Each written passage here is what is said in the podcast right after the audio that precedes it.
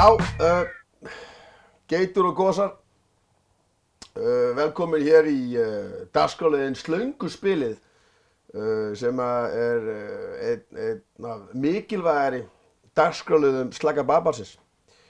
Hér förum við yfir alls konar málumni sem hafa með það að gera, uh, hvernig heimurinn er og hvernig hann mun þróast og hvernig hann hefur þróast það er heimsbyggi, trúabröð, pólitík, raun og veru allt svona sem að læta okkur lítið út fyrir að vera svolítið gáðari þegar við erum að ráðlega það.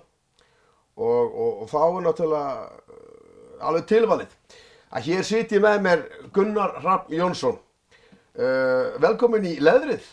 Takk fyrir það, góð aðstæða hérna. Já, þetta er hugulegt sko. Og hérna, sko, fyrir þá sem ekkert vita þá hérna, þá ert þú, þú hefur fengist við fjölmjölun mm. og þú hefur verið þingmaður mm. og, og verið að grúska og, og, og þú skrifar greinar og peisla. Já, ég hef svona kannski séræft með mest í erlendum málum. Já. Alþjóðapolítík og stríð. Ég sagði einhvern tíman að, að því að ég var á rúf að ég gerir tvær tegundir af fréttum.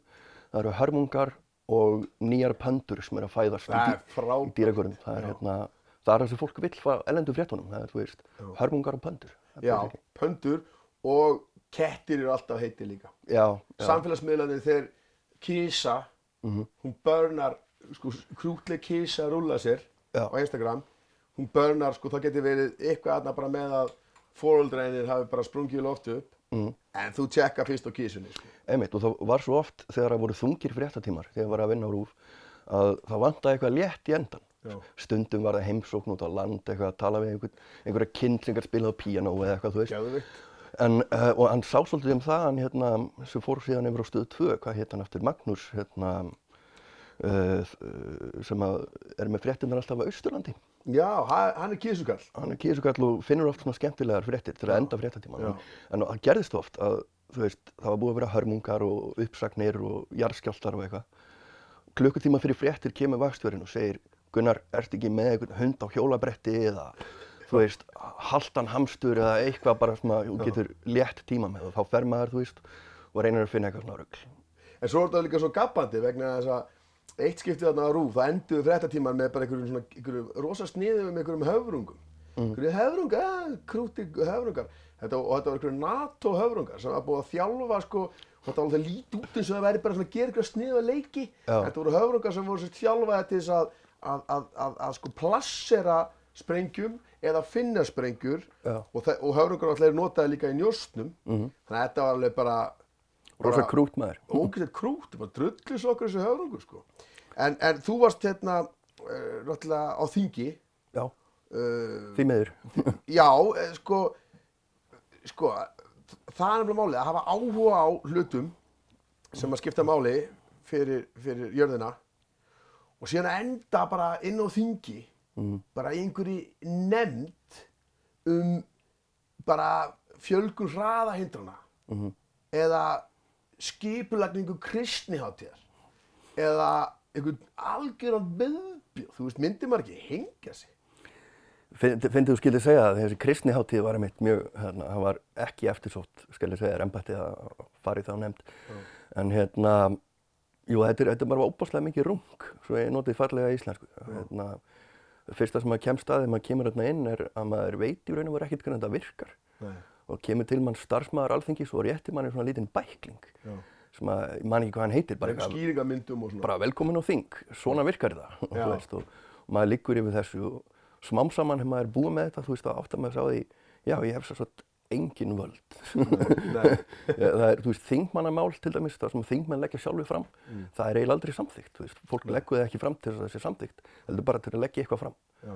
og hérna og síðan kannski setna mun ríkistjórnin taka málið upp og þá er það samþygt sko því að það á að vera þingræði á Íslandi skilur við en eins og við höfum oft talað um að þá er ekkert þingræði, það er bara ráðherraræði, það er bara ráðherrarnir sem ákveða allt sem gerist hérna. Og minni hlutin hefur ekkert vald eins og við sjáum núna þessu málið, þú veist, með hérna uh, Þor- Þorvald og allt það sko. Já, Þorvald Gylfa og hans ráðningu, já, nákvæmlega. Hvað er svona, hvað er svona drepleðilegasta nefnd sem þú komst að eða, eða málefni sem þú þurftir að synda um í einhverju svona skítasúpu af þegar stórt er spurt maður, þá hérna, alltaf hafi ekki verið þarna, þá voru einhverja umræður um einhverja stittur sem átti að reysa í tilefni að, þú veist, ég man ekki svona af hverjum þessi stitt átti að vera, sko, þetta var bara, þú veist, af hverju eru við að setja og eigða almannafið í einhverjar, þú veist, þetta er allt kjördamapóll, sko, þetta snerist allt um hvar það er eftir að vera, þú veist, í hvaða kjördami eða eitthvað, þú veist, svona.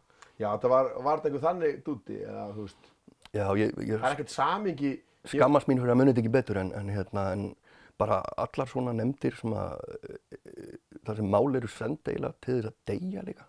Já. Það er ógeðslega oft gert, sko, að, hérna, já, líst vel á þessa upp og stungu hjá stjórnarnarstöðinni, við slumum setja málið í nefnd og síðan bara gerist ekkert, skilju, það, það veit allir hvað það þýðir. Já. já, þe- þetta eru triksin, po politics.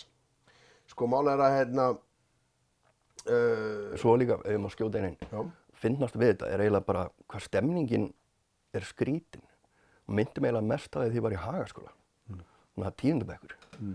að ég mann sérstaklega þegar við vorum að fara í kostningar hérna eftir, eftir Robert Downey málið. Þá var einhver sem spurði okkur í pýröndum hvað okkur þætti líklegt að myndi gerast í stjórnarmyndunum við mm. og einhver sagði uppátt að hugsanlega myndi Vafgi fara í ríkistjórn með XD Mm. þá verður Svandi Svavars og það er náttúrulega alveg brjálaðar já, þetta var svaka lindamál. já, og bara sögðu bara við varum að ljúga þetta myndi aldrei gerast, það var skrifað greinar um það. En síðan hérna eftir við sögum þetta á daginn eftir er, er hérna, þingmaður okkar að koma inn í matsalinn. Þar sita nokkri vafkjaliðar saman við borð. Mm. þingmaður okkar sest við borðið og segir halló með súpunum sína. Stóð allir upp. Já, ég, þetta er bara sem fangils. þetta er bara eins og ég fangir, já, stóð allir upp og færðu sig yfir á borðið hjá sjálfstæðismönnum. Já, já, frábært. svo bara svona message, skilur við. Það er alltaf enginn sem gerir það nema hann sé að sína eitthvað, þú veist, þú sest ekkert sjálfstæðismenn, ég, ég lapp ekkert bara inn á port 9 og bara, nei, einhverju feskir sjálfstæðismenn, bara einhverju fastegnasalar hérna og garðabæ, blessaðist strákar, hvað segið, það gera það enginn nema að sé að sína, bara, ég vil frekar sitja þarna með einhverju kasúltnu ógiði, heldur en ykkur, og því þið, það er svona, það var svona, það er, það er svona einhver, það er einhver lína þarna sem var fara yfir hjá okkur, Ég man alveg eftir þessu vegna þess að ég er náttúrulega stoppmeðlum í Vafki, ég er náttúrulega flokkslaus núna. Uh, eftir ríkistjórnarsamstarfið við sjálfstæðarslokk en, en þá man ég alveg eftir þessu þegar ég var að, segja, ég var að heyra frá pírata, liðið, liðið sem ég þekki í píratum og þeir var að segja að þetta var stæðið til og það var alveg bara, bara þetta er bara lí og sambyrð og þetta var mér óbóðslega ömulegt sko. ég svo margir hefði ekki gósið vafki ef þau hefðu verið hrein, hreinskilin með Ég meina reyna línur. Þú sér bara Rósa Björk og Andris Ingi sitja á þingi uh, í, sko, gegn ríkistjórnum, þeir eru ekki í hlut af ríkistjórnum meiri hlutunum. Augmundur fer út, þeir missar henni verkaleysarminn gett mikið. Það er svo stóru, náttúrulega Drífa Snædal sem er núna yfir ASI og Augmundur Jónasson, þeir voru bara, það bara sást bara, það var svona eins og ég hérna teknumdir, bara mikk mikk, hérna, þeir voru bara horfin bara um leið og, um leið og yngi ekkert mætt í partíð, það var svona, þetta er lélegt partí. gat á vegnum svona, þeirra Já, útlýðum já, já, já, einmitt, einmitt, einmitt. Hérna, Nei. hvað heit hann, Tasmanian Devil, hérna. var ekki hann sem hljópa alltaf gegnum allt og var svona. Gata vegnum í alveg í útlumnum, já. Já, já. Þetta, er, en, en, þetta, er, þetta er, það þarf einhver að vera þarna og svona, en það er náttúrulega, hérna, maður sér alveg, þú veist, að fyrir ákveð, ákveðinu upp þá má ekkert gerast, það má ekkert breytast um, og stjórnarskráin náttúrulega að svæfa stjórnarskrána, nýju stjórnarskrána kannski besta dæmið það. En, en að einhverju mun meira spennandi, þú varst að tala um styttur. Og, og núna er alltaf búið að vera gríðarlega mótmæli um öll bandarækin og þau eru komin út um allan heim, þau eru í Evrópu, Ástralíu og, og í Möðsturlöndu, Suður-Ameríku um, það sem að fer á stað það er, það er hann kyrtu til bana uh, Floyd er kyrtu til bana af samþyktum aðferðum uh, löggunar í, í allavega flestu fylgjum bandaríkjana og, og, hérna, og þetta fyrir alltaf stað og, og, og, hérna, og menn rífa niður í bandaríkjunum stýttur af, af, af uh, herfóringjum Suðuríkja hersins sem voru að berjast í, í, í, í borgarstriðinu sem að í okkar sögurskoðun uh, snýst fyrst og fremst náttúrulega um það að með eða móti þrælahaldi. Menna, við köllum þetta þrælastríðið Við köllum það þrælastriðið sem er enn eitt vestrænt PR ævintýri vegna þess að þessar svakalegi hetjur og leðtóar uh, sagt norðurríkjana, þeir voru aftur þræla. Link, uh, frækt kvót eftir Lincoln. Mm. Það sagði ef ég gæti sagt, haldi landinu saminuðu með því að frelsa alla þræla myndi ég gera það. Mm. Ef ég gæti haldi landinu saminuðu með að frelsa engan þræl myndi ég líka gera það. Já. Þannig að hann var engungu að hugsa um að halda landinu saman. Sko. Það er bara málið. Þannig að, þannig að það er svo margt í mítum uh, Vesturlanda sem að er alveg bara lí, er ekki förða að fullta fólki séu sko bullandi rasistir á átt að sá því. Uh, og við, við sjáum bara þegar einhver fyrir að væla eitthvað í Evrópu við því að vera að rífa niður stittur af alveg drullu sokkum par excellence sko. Mm -hmm. og við erum ekki bara að tala um Colston uh, sem var hvað, fyrstu til að keira í gang þrælaverslunna þrælaverslunna englendinga. Heldur þú veist bara gæðið svo Churchill skilju mm. Churchill uh, það er, það er manngjörð hungursneið sem hann setur á stað hvað 1943 í, í Bengal Já, fyrir að utan líka bara það sem hann sagði ofinbeglega um nótkunn eiturvopna gegn, gegn uh, hvað sagðan. Villimönnum, savages. Já. Hann talaði, það var allt í læg sko, það var að tala um að það er samþygt að banna nótkunn efnavopna í stríði mm -hmm. í, eftir fyrirhefströld. Mm -hmm. En svo þegar, þegar menn fór að tala um það í samingi við nótkunn þeirra breska heimsældisins á hérna, efnavopnum í, í nýlendunum sínum, mm -hmm. þá sagði hann, það er ekkert mál. Það er allt annað fyrir. Það er villimönnum. Og þú veist, bullandi rasismi fyrir utan átt að líka gæjan var sko bara harður gegn verklagsræðingunni uh, hérna, og, og það er verið að, að, að ráðast á þessa stittur mm. og hérna uh, og svo mér finnst svo fallegt sko því að í bandarækjunum þá náttúrulega mun li, liðið sem ræði ferðinni í bandarækjunum og, og vesturlundu þeir náttúrulega munum reyna að láta lít út eins og það við snúist um eitt blökkumann mm.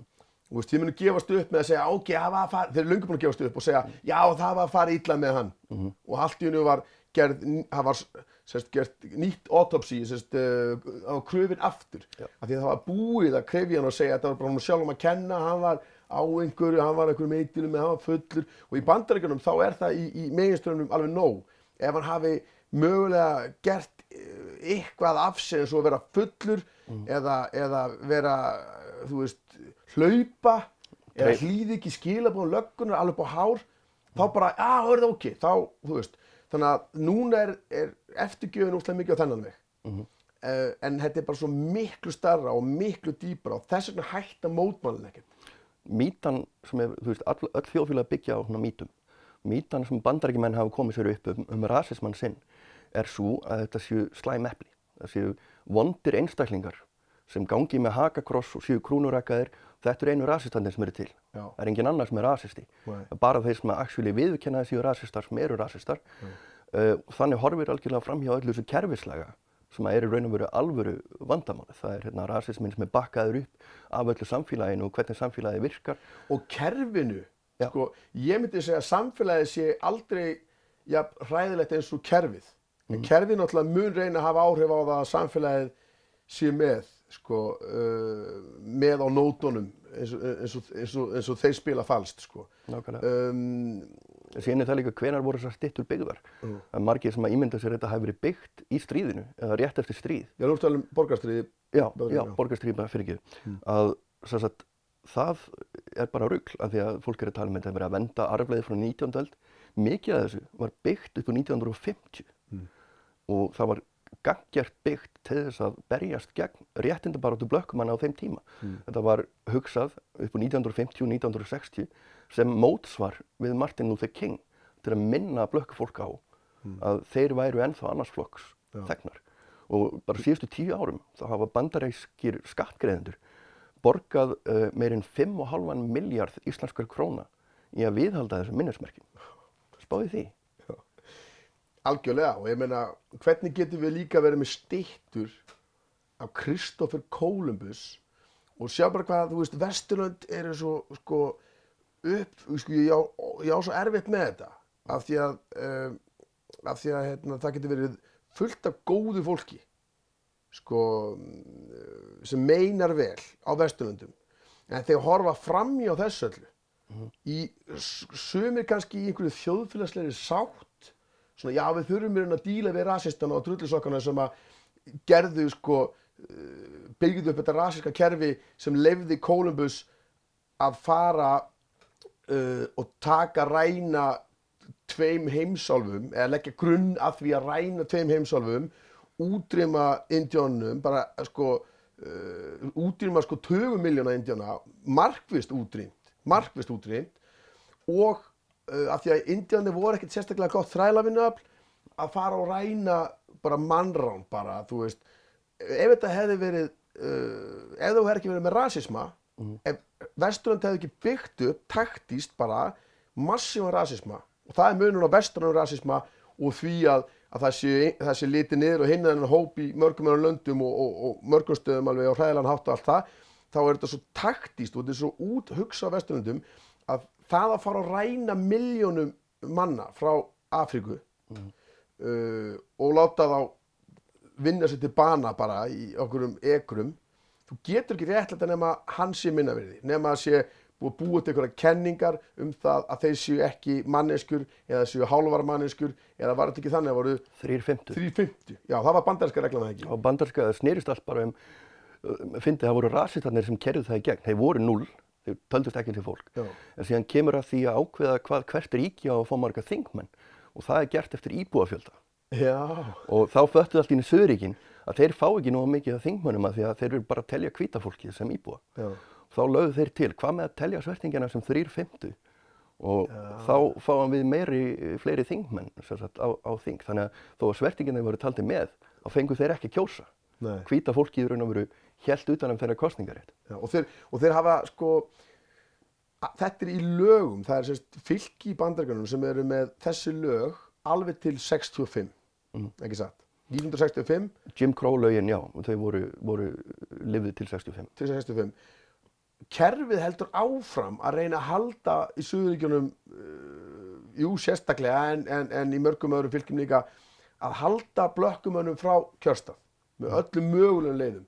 Og maður, veist, maður sér það bara þú veist að, að hérna sko flækjustíið að kjósa og, og, og, og hvernig þetta er gert um, þú veist þannig að, að áhrifið þeirra séu eins lítul og hægt er. Blökkumenn eru dæmdir fyrir eh, sko í miklu meira lægi fyrir eh, algjöra mínimal glæpi sem að er, er það ekki rétt metið að það kemur í veg fyrir að þeir með kjósa, er það ekki? Jú, ef þú ert dæmdu fyrir felony, sem sagt fyrir, uh, var ekki hvað alvarlegust í glæpa flokkurinn, Já. að þá getur þú mist kostningarétt, bara, ekki bara með þú ert í fangilsi heldur, eftir að þú kemur út. Já, þannig að þú veist og fara enga vinnu heldur, því að þú veist, það er, má ekki ráða þig, samkvæmt lögum í ímis opinber störf og, og ýmsar versluna keður, McDonalds og svona, bara neita að ráða, ráða fólk reynilega, þú veist, og þannig að þú veist, ef þú ert ekki ráðin í, í franskatur á McDonalds það er nú lítið orðið eftir sko. Já, ég meina, hva- hvað ætlar að gera, þú veist, annað en að fara aftur í glæpið þegar þú kemur út úr fangelsinu, skiljum. Það er hérna, þér eru það sem að líka með þessu kostningalögn sem við vorst að tala um, það eru fáir kjörstæðir, það er langt á milli þeirra. Það er alltaf kosið á vinnutíma, á þriðjudegi. Þú veist, það er einhvern veginn, Einmitt. eins og þessi allt gert til þess að fátækt fólk komist ekki. Já, því að það, það, það, það sem er svo mikilvægt í þessu er að, að, eh, að því við, töl, við, við höfum talað um áður með Róm hvernig gatt, hvernig þeir föttu, hvernig ríki eins og Ró, Róm stýrt og kúað sko þeim tíma allan heiminn þess tíma uh, eða þú veist Með örfáum herdeldum. Já, með örfum herdeldum. Auðvitað var það með massíu vopnavaldi, mm. með mjög öflugan her og, og agaðan og, og hérna allt það, en líka urðu þeir að kljúfa anstæðingar sinna. Hvernig segir þetta á latínu? Divide and conquer. Deila og drotna. Divide et... Ég man ekki nákvæmlega latínu, ég var ekki að mer, sko. Nú varst ekki emmer, nei, anskotin. Nei, einmitt, einmitt. Hérna, þetta er eini, eini, eini, eina sem að menn læri í emmer sem skiptir máli. Það sem Rómerarnir gerðu líka, eins og kom svo vel fram í, í Monty Python myndinni Life of Brian, Já, var að þeir unnur sér inn góðvild, skilur við. Þeir, þeir skildu ekki þessi héruð út undan. Þeir voru að byggja vegi og þeir voru að tengja saman samfélag sem áður eða ekki verið tengt, þú veist, uh, og byggja vassveitur og einmislegt annað. Þannig að þó þetta væri náttúrulega hernám, þá eru ymsir kostir við rómverst hernám umfram margt annað hernám sem var þá í bóði því að þú veist, það voru endalus stríð á þessum tíma. Já, já, já, já, ég meina Kanin, hann byggði nú, hann, hann, bygg, skildi, hann var nú í, í líka svona samgöngum og það þarf alltaf að vera, þú getur ekki bara hernum, þú verður alltaf að koma, þú verður alltaf að múta, þú verður alltaf einhverju býtlingar, sko, það er, það er mjög klassíst og ekki bara það, heldur líka þetta að, að, að deila og drotna, þannig að allt þetta rasista kjæftæði. Englendingar gerur það líka. Já, já, englendingar voru stórkostlir í því, mm. eins, og, eins og maður sér sem í borgarstriðinu sem að springur út á Sri Lanka. Mm. Þeir gerur tamilina að, að ráða stjætt mm og singalni voru, voru lægri og svo náttúrulega bara þegar, þegar, þegar, þegar Sri Lanka verður sjálfstætt, hvað heit ekki, Ceylon aður, þegar Sri Lanka verður sjálfstætt, þá náttúrulega vilja singalnir fá meiri sko, part af, af kökunni. Og, og það veldur borgarstríði sem er ofbúrslega sorglegt og landrið og ömulegt uh, við sjáum það sama með Rwanda með Hutuana og Tutsiana sem var sama fólki sem var bara algjörlega búið til. Mm -hmm. og, og kannski uh, fyrir lið sem er ekkert mikið að pæli hvað að gerast kannski í þriða heiminum og er meira svona að pæli í vesturlöndum þá er kannski eitt besta dæmi er hvernig Írar voru bara svertingar. Englendingar gerðu Íra að, að svertingum. Mm. Um, hérna, þeir voru hennu hvítir svertingar eins og það var komið fram við á eins og, eins og þekkt hérna þegar menn ætluðu sem var hjekk á gisti heimilunum og, mm. og hérna gisti heimilunum í Breitlandi og líki í bandargrunum. Uh, no, no blacks, no dogs, no, no Irish. Irish. Oh.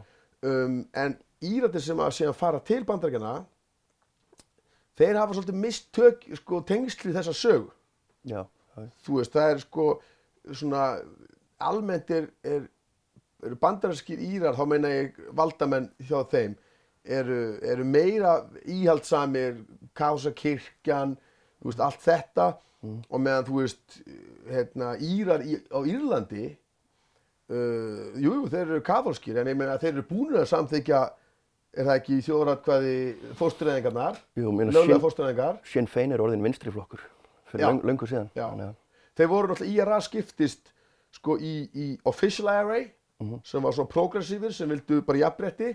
Provisional. Já, pro, og svo voru PIRA sem voru svona þeir sem voru meira, meira á línu með Kás og kirkjunni sko mm. og hérna en, en, en, en allt þetta dæmi að hver, hvað einhver trúir á eða hvað einhver, hvernig uh, kynlíf einhver stundar, uh, hvernig einhver, hvað húðlitur, allt þetta, þetta er bara, þetta er bara púra pólitík. Mm. Þú getur alveg sagt, ok, mér veist þessi gæðt ljótur, skilur við, þú veist, og, og, og allt þetta, þú veist, en, en, en, en hérna, um leiðu þú ert byrjað að segja að heil hópur sé svona eða hins einn uh, og eigi minni rétt, þá náttúrulega ertu bara að hlaupa beint inn í gildruna sem að hún er bara allt of gömul til að fólk sé ekki búin að fatta þetta.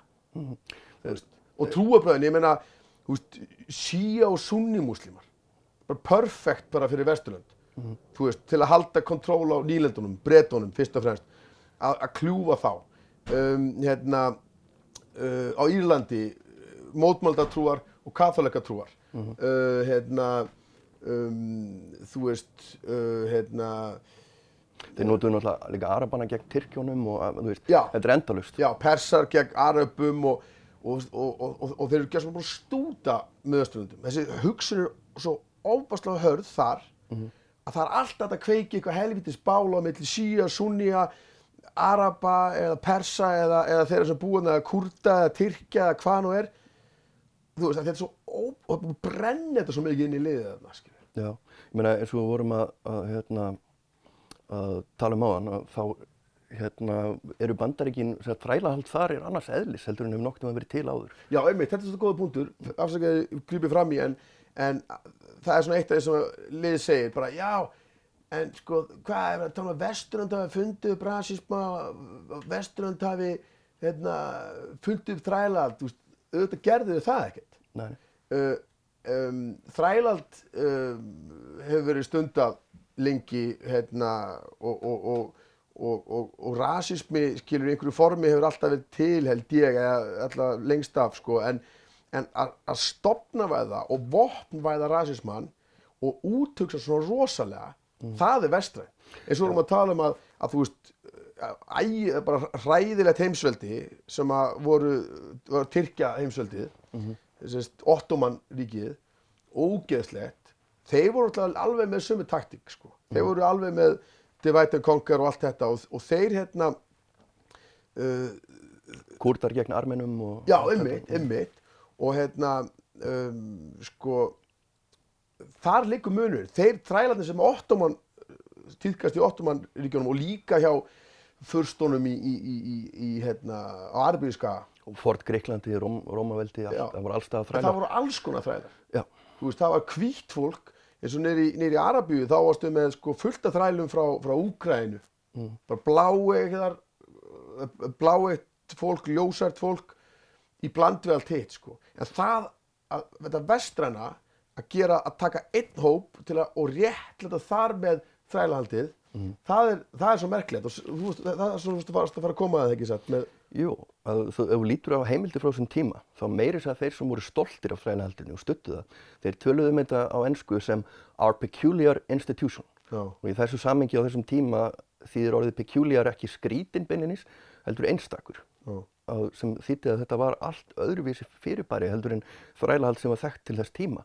Að þetta var svo kallar chattel slavery mm. þar sem að uh, fólk er beinlinis eign mm. það, það er ekki á einhverjum ævilöngum vinnusamlingi, það er beinlinis eign sem þú getur ráðstafað mm. öll börn þeirra verða eign þín mm. og uh, þetta byggist á kynþætti þannig að allir blökkumenn sem fæðast í bandaríkinum á þessum tíma mm. sama hvort að, þú sama hvaðan þið komið eða hvaða aðstæðunar eru, þeir verða automatíst út af kynþætti sínum þrælar. Mm. Það er aldrei týðkast áður að, að það væri einhver kynþáttur sem að fæðist automatíst inn í þrældum án þess að hafa raun og veru neinar aðrar uh, ástæður fyrir því, ég menna eins og 12 years a slave, mm. það var frjáls maður sem að slísaðist inn í Suðuríkin og var bara þá tekinn höndum og gerður á þræl Já. þótt hann hafa aldrei verið þræll áður Einmitt. bara því hann var svartur Já.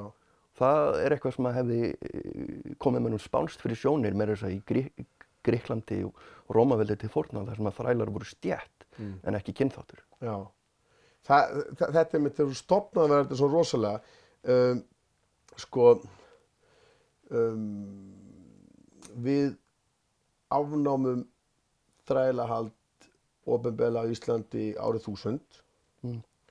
og núna uh, hefur Gunnar Smári uh, talað um það að að, að það verið að rífa niður stittur af öllum þessum drullusokkum og rasistum og heimsöldarsinnum og ógeðum Kristóf Kolumbus og, og, og, og Suðuríkja köllunum í, í bandarganum um, hann talar um að að Ísland ætti að taka niður hérna, hérna Íslandi ætti að taka niður Yngur Arnarsson mm. því hann átti þræla. Um, hvernig hvernig sko hver, hversu langt ámar að fara finnst þér með uh, með það að, að, að rífa niður heiður þræla eiganda eða þræla sama Ég sá viðtal við sagfræðing á dögunum sem var mjög áhugavert með New York Times held ég að hún var spurð hvað finnst þér um það er þetta ekki skjálfilegt að milla, missa allar þessar sögulegu minjar? Já. hún sagði bara það halda allir að sagfræðingar sé að gráta þetta en sagfræðingar vita manna best að stittur eru mjög tímabundið fyrirbæri. Engin stitta lifir í gegnum margar byltingar. Það eru að endar alltaf á því að kemur stríð eða eitthvað annarkort kemur óvinnurinn og brýtur hana niður eða oftar en ekki sá sem byggðana þarf á bronsinu að halda. Bræðir hana niður mm. notar það í að gera peninga eða ja, fallbissukúlur mm. og byggja síðan bara nýja stittu þegar stríðin er búið. Þetta þótt aldrei neitt eitthvað svona heilagt. Nema reyndar í ákveðnum tilveikum þegar þetta var svona tákn ákveðina hugmynda eins og þegar kristnimenn riðust á grískar stittur sem að voru stittur af guðunum fornu og allt það slíkt. Þannig að þessi sagfræðingur saði að það að ráðast að stittur mörg þúsund ára hefð fyrir því við hefum 5.000 ára gamlar heimildir um það að fólk hafi verið að rýfa niður stittur eftir að einhverju íllir menn fóru frá völdum. Og þá vildu menn symbolíst ráðast á þetta stittur oft tókuðu bara höfuðið af að því að það er verra heldur en að taka alla stittuna mm. og skilja henn eftir hauslausar sem svona symbol. Mm. eða stundu tókuðu nefið eða eirun af til að afskrema eins og reynda týrkaðist að gera við levandi fólk líka í bísansveldi það voru oft menn uh, skorina um eirun eða nefið eða, eða blindaðir bara hérna til að koma í veg fyrir að þeir gætu komist til valda síðan mér. Bísantín, bí- hvað er það í dag? Það er Istanbul og hérna Já, já, það ummitt, ummitt. það var hérna miðpunkturinn í þeirra veldi. Nú man ég ekki eins og hvað ég var að tala um Þú vorst að að tala um að, hérna, að sagfræðingar, þeir eru Já. ekki, þú veist, þeir eru ekkert að sjá eftir því að styttur, styttur eru bara tímabundnar. Mhm. það, það gildir eins og annað en það ef þú ert að reyna að þurka út um, söguna, skilur það, það er ekki það sama að losa sig við styttuna eins og að þurka út söguna. Það er mjög vand með farið að sjá munin á því. Já, En ef við tökum til og með Talibana og þegar þeir sprengtu búta stittunar og allt það, þá var það árás gegn þjóðarbroti, skilur í trúanlegu minnilegt hóp í landinu, sem er allt annað heldur en að, heldur en að hérna, ráðast á stittur sem að eru að minnast kúunar á, á minnilegt hóp í landinu. Og pluss það líka að, að þessar stittur, það voru oft frekar handahófskjönt hvar þar voru settar upp og hvenar. Af því að þeir sem að styrtu þetta voru oft bara einhverjir, í, í bandaríkjunum þar að segja, Einmitt. voru oft bara einhverjir svona KKK-menn upp úr 1955 sem að hófu einhverja söfnun og eitthvað og svo er þetta sett upp og, og fólk sér þetta voða fínu mynd af einhverjum hersöðingja og ímynda sér þetta sér æfa gamalt og mikil hefð fyrir þessu. já, og líka náttúrulega það var náttúrulega auðvelt að fá pening í söfnuna því að þeir sem töpuðu mest á afnæmi þrælahalds, ríkar, ríkar, uh, ríkir þrælaegundur sem voru með stórar ekkur og þeir voru nú meira en þeirra fjölskyldu voru náttúrulega þótt að þeir var kannski döðir eða gamlir uh, meira en til í að sponsa styttur og mikið af þessum styttum það eru svo stórkostlega lélegar og ljótar að hérna, maður sér að þess að var hent meira bara upp eins og þú segir sko bara svona, veist, það, það, var, það, það, var, bara, það var bara eins og bara Maggi Mix að vera að nóða þetta saman skilur þú veist, og það með þess að einn stytta sem að það var að rífa alltaf styttuna niður að þessu söður ekki fórungum í bandaríkanum og þá var þá var alveg menn allir bara, heyrði, það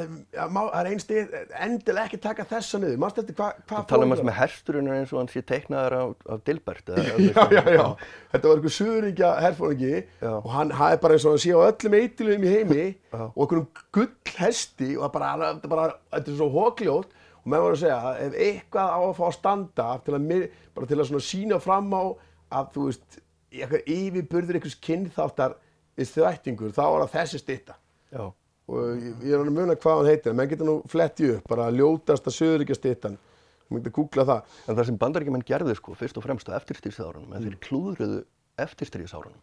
Það var algjör eftirgjöf af því að mennum fyrir norðan var svo mikið í mun að ná sáttum aftur. Ég meina, fólk glemir því hvað dóu margir. Þetta var mörg hundruð þúsund mann sem dóu. Það dóu fleiri í þessu stríði heldur en nokkur öðru stríði sem bandaríkinn hafa tekið þátt í. Ég held að það hafi verið 800 þúsund eða eitthvað. Þetta var, þetta var svakalegt blóttæka á þessum tíma.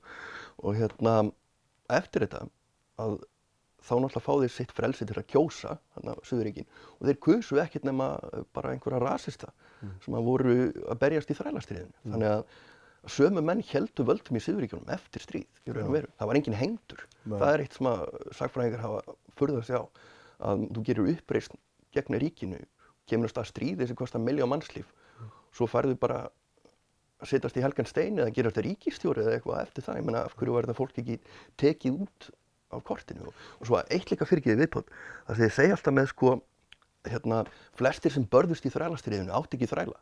Ég meina auðvitað ekki, þeir sem áttu þrælana voru lítill hópur og það voru þeir sem settu stríðið af stað. Það er kapitalistanir Já. kapitalistin er aldrei að fara að deyja á výrvelli hann sendir alltaf, hann lígur einhverju þvætting, rasism og trúabröðum og, og bulli inn í hausin á liðinu sem er ómentað og svo fara þeir að deyja. Pluss þetta snerist ekki um að uppræta sko þrælahald í Suðuríkjunum norðanmenn voru ekkert að tala um það, jú þeir voru að tala um það en það stóð ekki til. Þar sem það snerist um var það að Suðuríkin vildu fá að færa út þrælahald inn í ný ríki sem voru að verða hluti af bandaríkjunum að þessum tíma. Þannig að þau ríki sem kæmu inn í, inn í uh, bandaríkin eru þau líka þrælaríki. Og það gáttu norðanmenn ekki, ekki sett sig við sko. en líka náttúrulega yðnaðurinn í, í norðuríkjónum er það ekki, hann var orðið það miklu þróari. Mm. þeir voru ekki með uh, á samhátt og söðuríkjónum bómullari einhverjur sem svona einhverja svaka uppistöðu. Nei, þetta var allt þeir voru konum með versmiður og, og kapitalismin er svo snjall sko.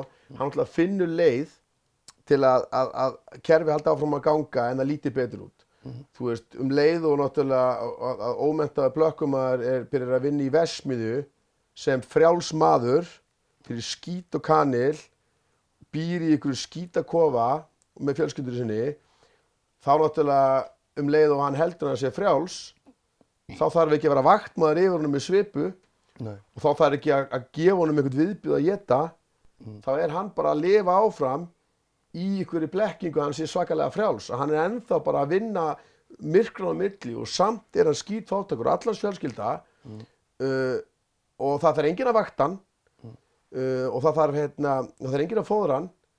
Þannig að í rauninni kostnaðarinn fyrir kapitalistana var náttúrulega bara next, bara next level kapitalismin er það að þú látir einhvern halda hann sér frjáls og hann flýrið ekkert, hann feir bara í vinnuna og vinnur fyrir skýt. Og meðan í Suðuríkjunum var þetta enda þannig að að hlekja vinnuaflið.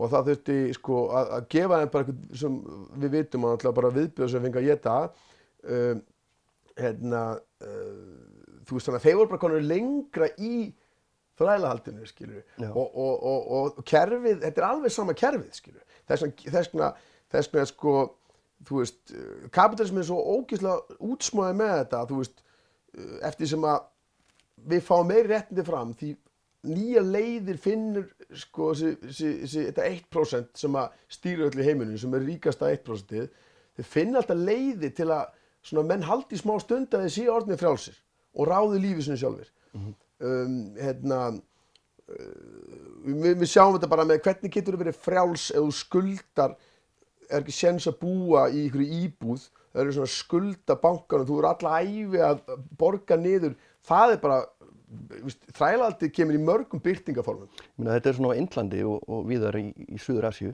að þar, þar er mjög útbreytt þrælahald þó að sé ekki á pappír. Það virkar þannig að, að uh, bændur þeir þurfa að uh, leigja landið af, af landeigundum eða kaupa það með rísa vöxnum lánum sem þeir þurfa síðan að greiða af. Nefn að vextirnir eru svo háir að þeir eru hærri heldur en mánaðarlega tekjur þeirra. Já. Þannig að skuldin hækkar og hún erfist. Já. Það eru núna sko þriðja, fjórða kynnslóð frá því uh, 1948 þegar þeir fá, eða í 48 þegar þeir fá sjálfstæði, að sko það er fólk ennþá að vinna af sér skuldir frá 1950 mm. svo það notaði til að kaupa einhver landskika og skuldin hefur bara hækkað. það var svona í Íslandi líka Mhm.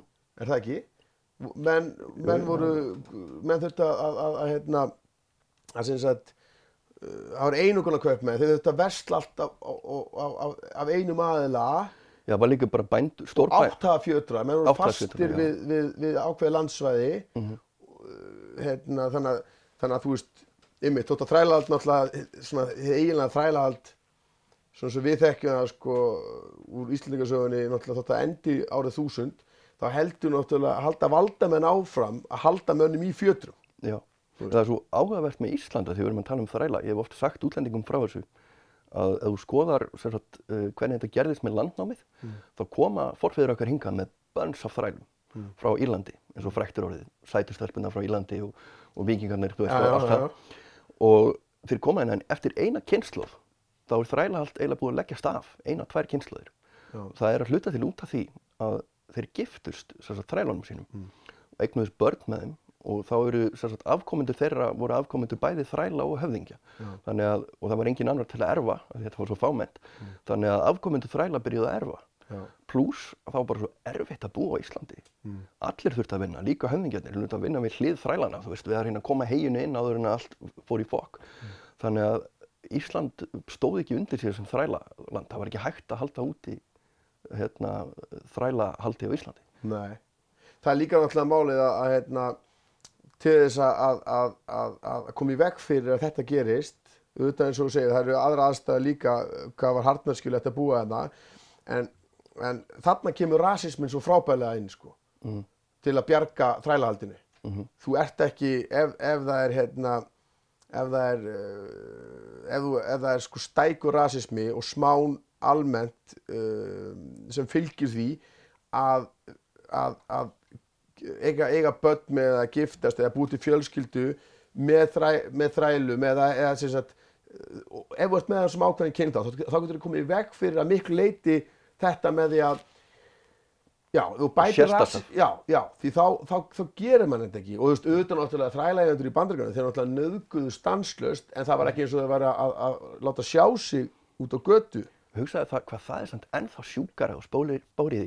Þetta er barnið þitt þú nauðgar einhverju konu eða með henn undir einhverjum kringustæðum hún er býr ennþá út í kofa, þú átt hana og hún þrælar fyrir þið allan daginn, svo fæðist barnið. Það er eign þín.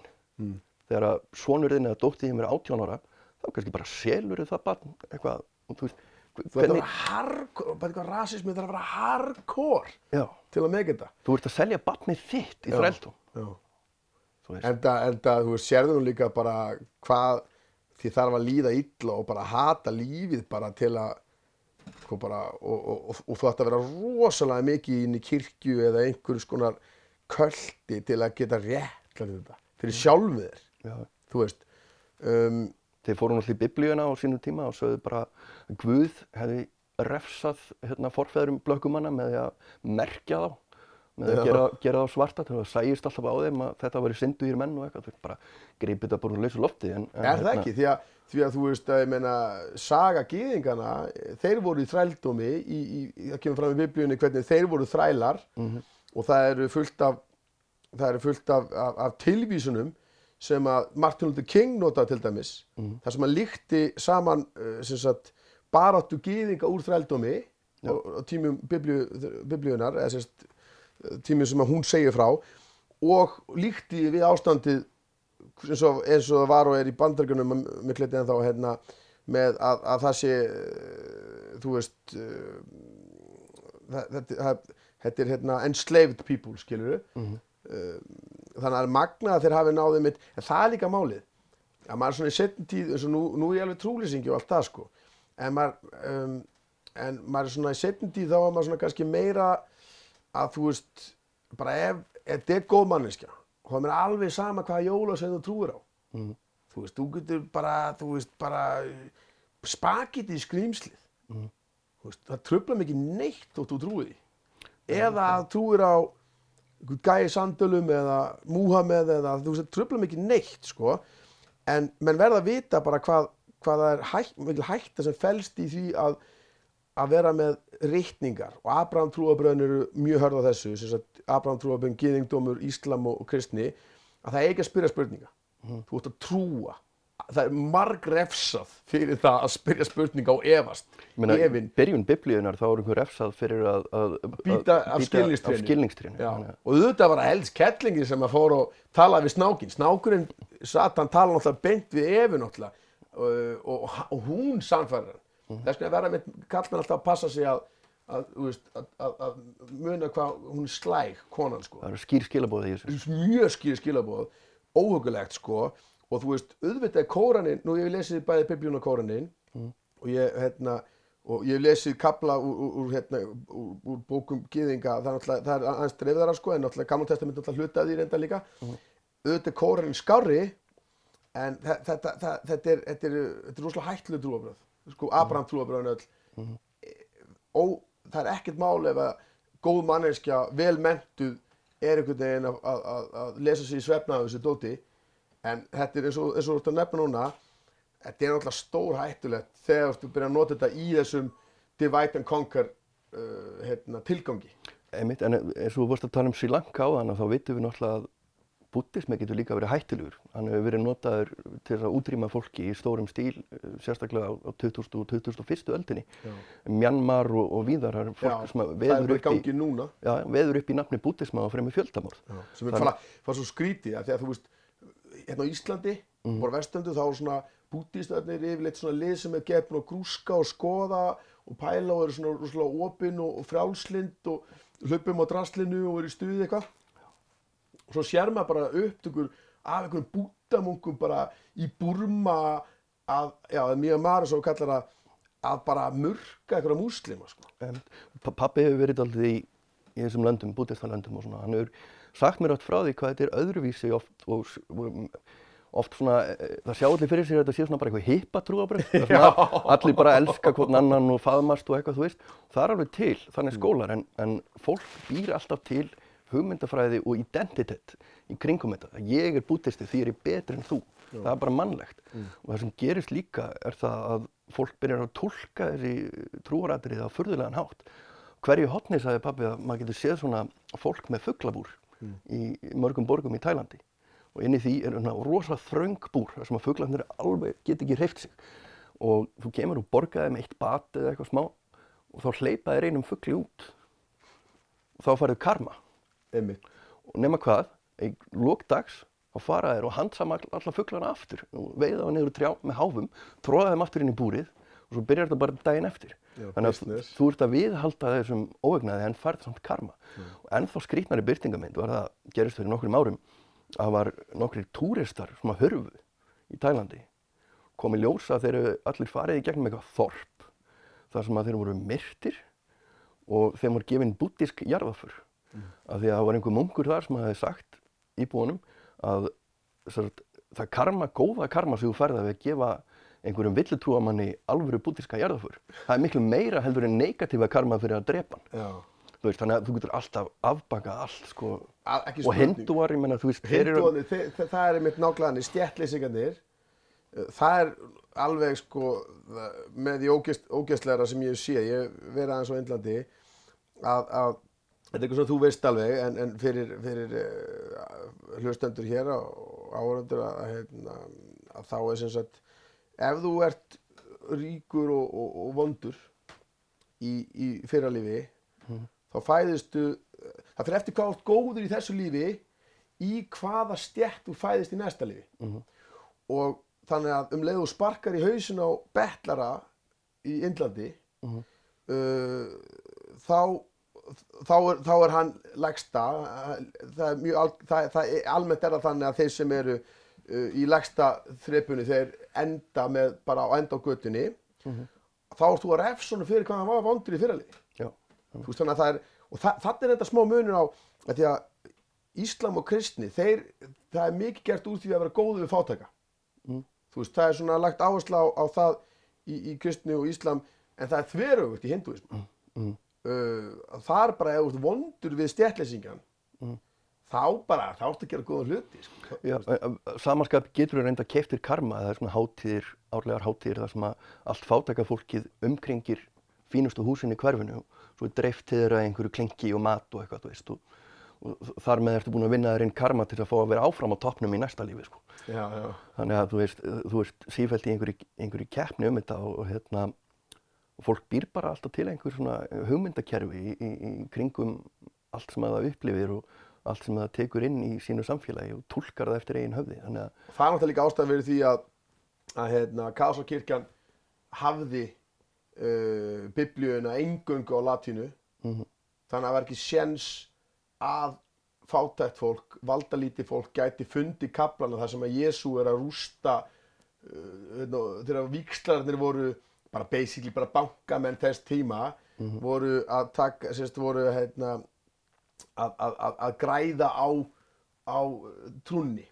Uh, og hérna og selja dúfur. og svona dúr og líka kaplið, Jésús segir það er auðveldra fyrir, fyrir úlvalda að fara gegnum nálarauga en ríkan mann inn í himnaríki. Mm. allir þessi kaplar þetta grínast eða þetta er dottið inn bara þegar bænda upprýstina voru hérna, veist, fyrir síðaski og meðan það var ennþá, meðan voru, allir voru ennþá katholikar um, hérna og á sama skapi eins og ég segi þetta heldur alveg áfram. Þú sé bara okkar okkar uh, öflugustu valdamenn í dag. Fjármál eru gerð eins óskiljanleg. Mhm. þú veist, þú getur ekki sjálfur útskýrt hvað eitthvað, eitthvað, afle, eitthvað afleiðu eitthvað þú veist, þú þú þarf bara að vera eitthvað prófessor í Harvard til að skilja pe tungumál peningan í dag. Allt viljandi gert flókið það að er alltaf viljandi gett flókið. Þú veist það er þannig. Og þetta er alltaf allt svona þú veist, allt sem er bara einf, sko, allt sem á að vera einfalt er gert einfalt. En allt sem að hefur að gera með að einhver hópur haldi áfram sínum völdum þú veist það er gert eins flókið og mögulega hægtir um, að því að þú veist það það, það er svo oft sagt sko þeir sem eru í valdastöðu eða eru að verja sko bröðmóluna sína af því að, að hanga kringum eina ástæð fyrir að ég noti ekki orðið elita því þá hugsa ég alltaf bara oh, það er búin að misnóta svo mikið að einhverju svona popular Trump og félögum sko en, en þú vilt ekki að fólk skilji of mikið af, af því um leið og fólk er mentað og eðrast í alvegni mentun þá áttaði sig á því hvað mikið kjaftaði í gangi. Og farið mitt komið að allar þessar mýtur Vesturlanda. Nú er ég ekki að segja þessi ekki mýtur út um allt varandi allan fjandan í öðrum pörtum heimsins.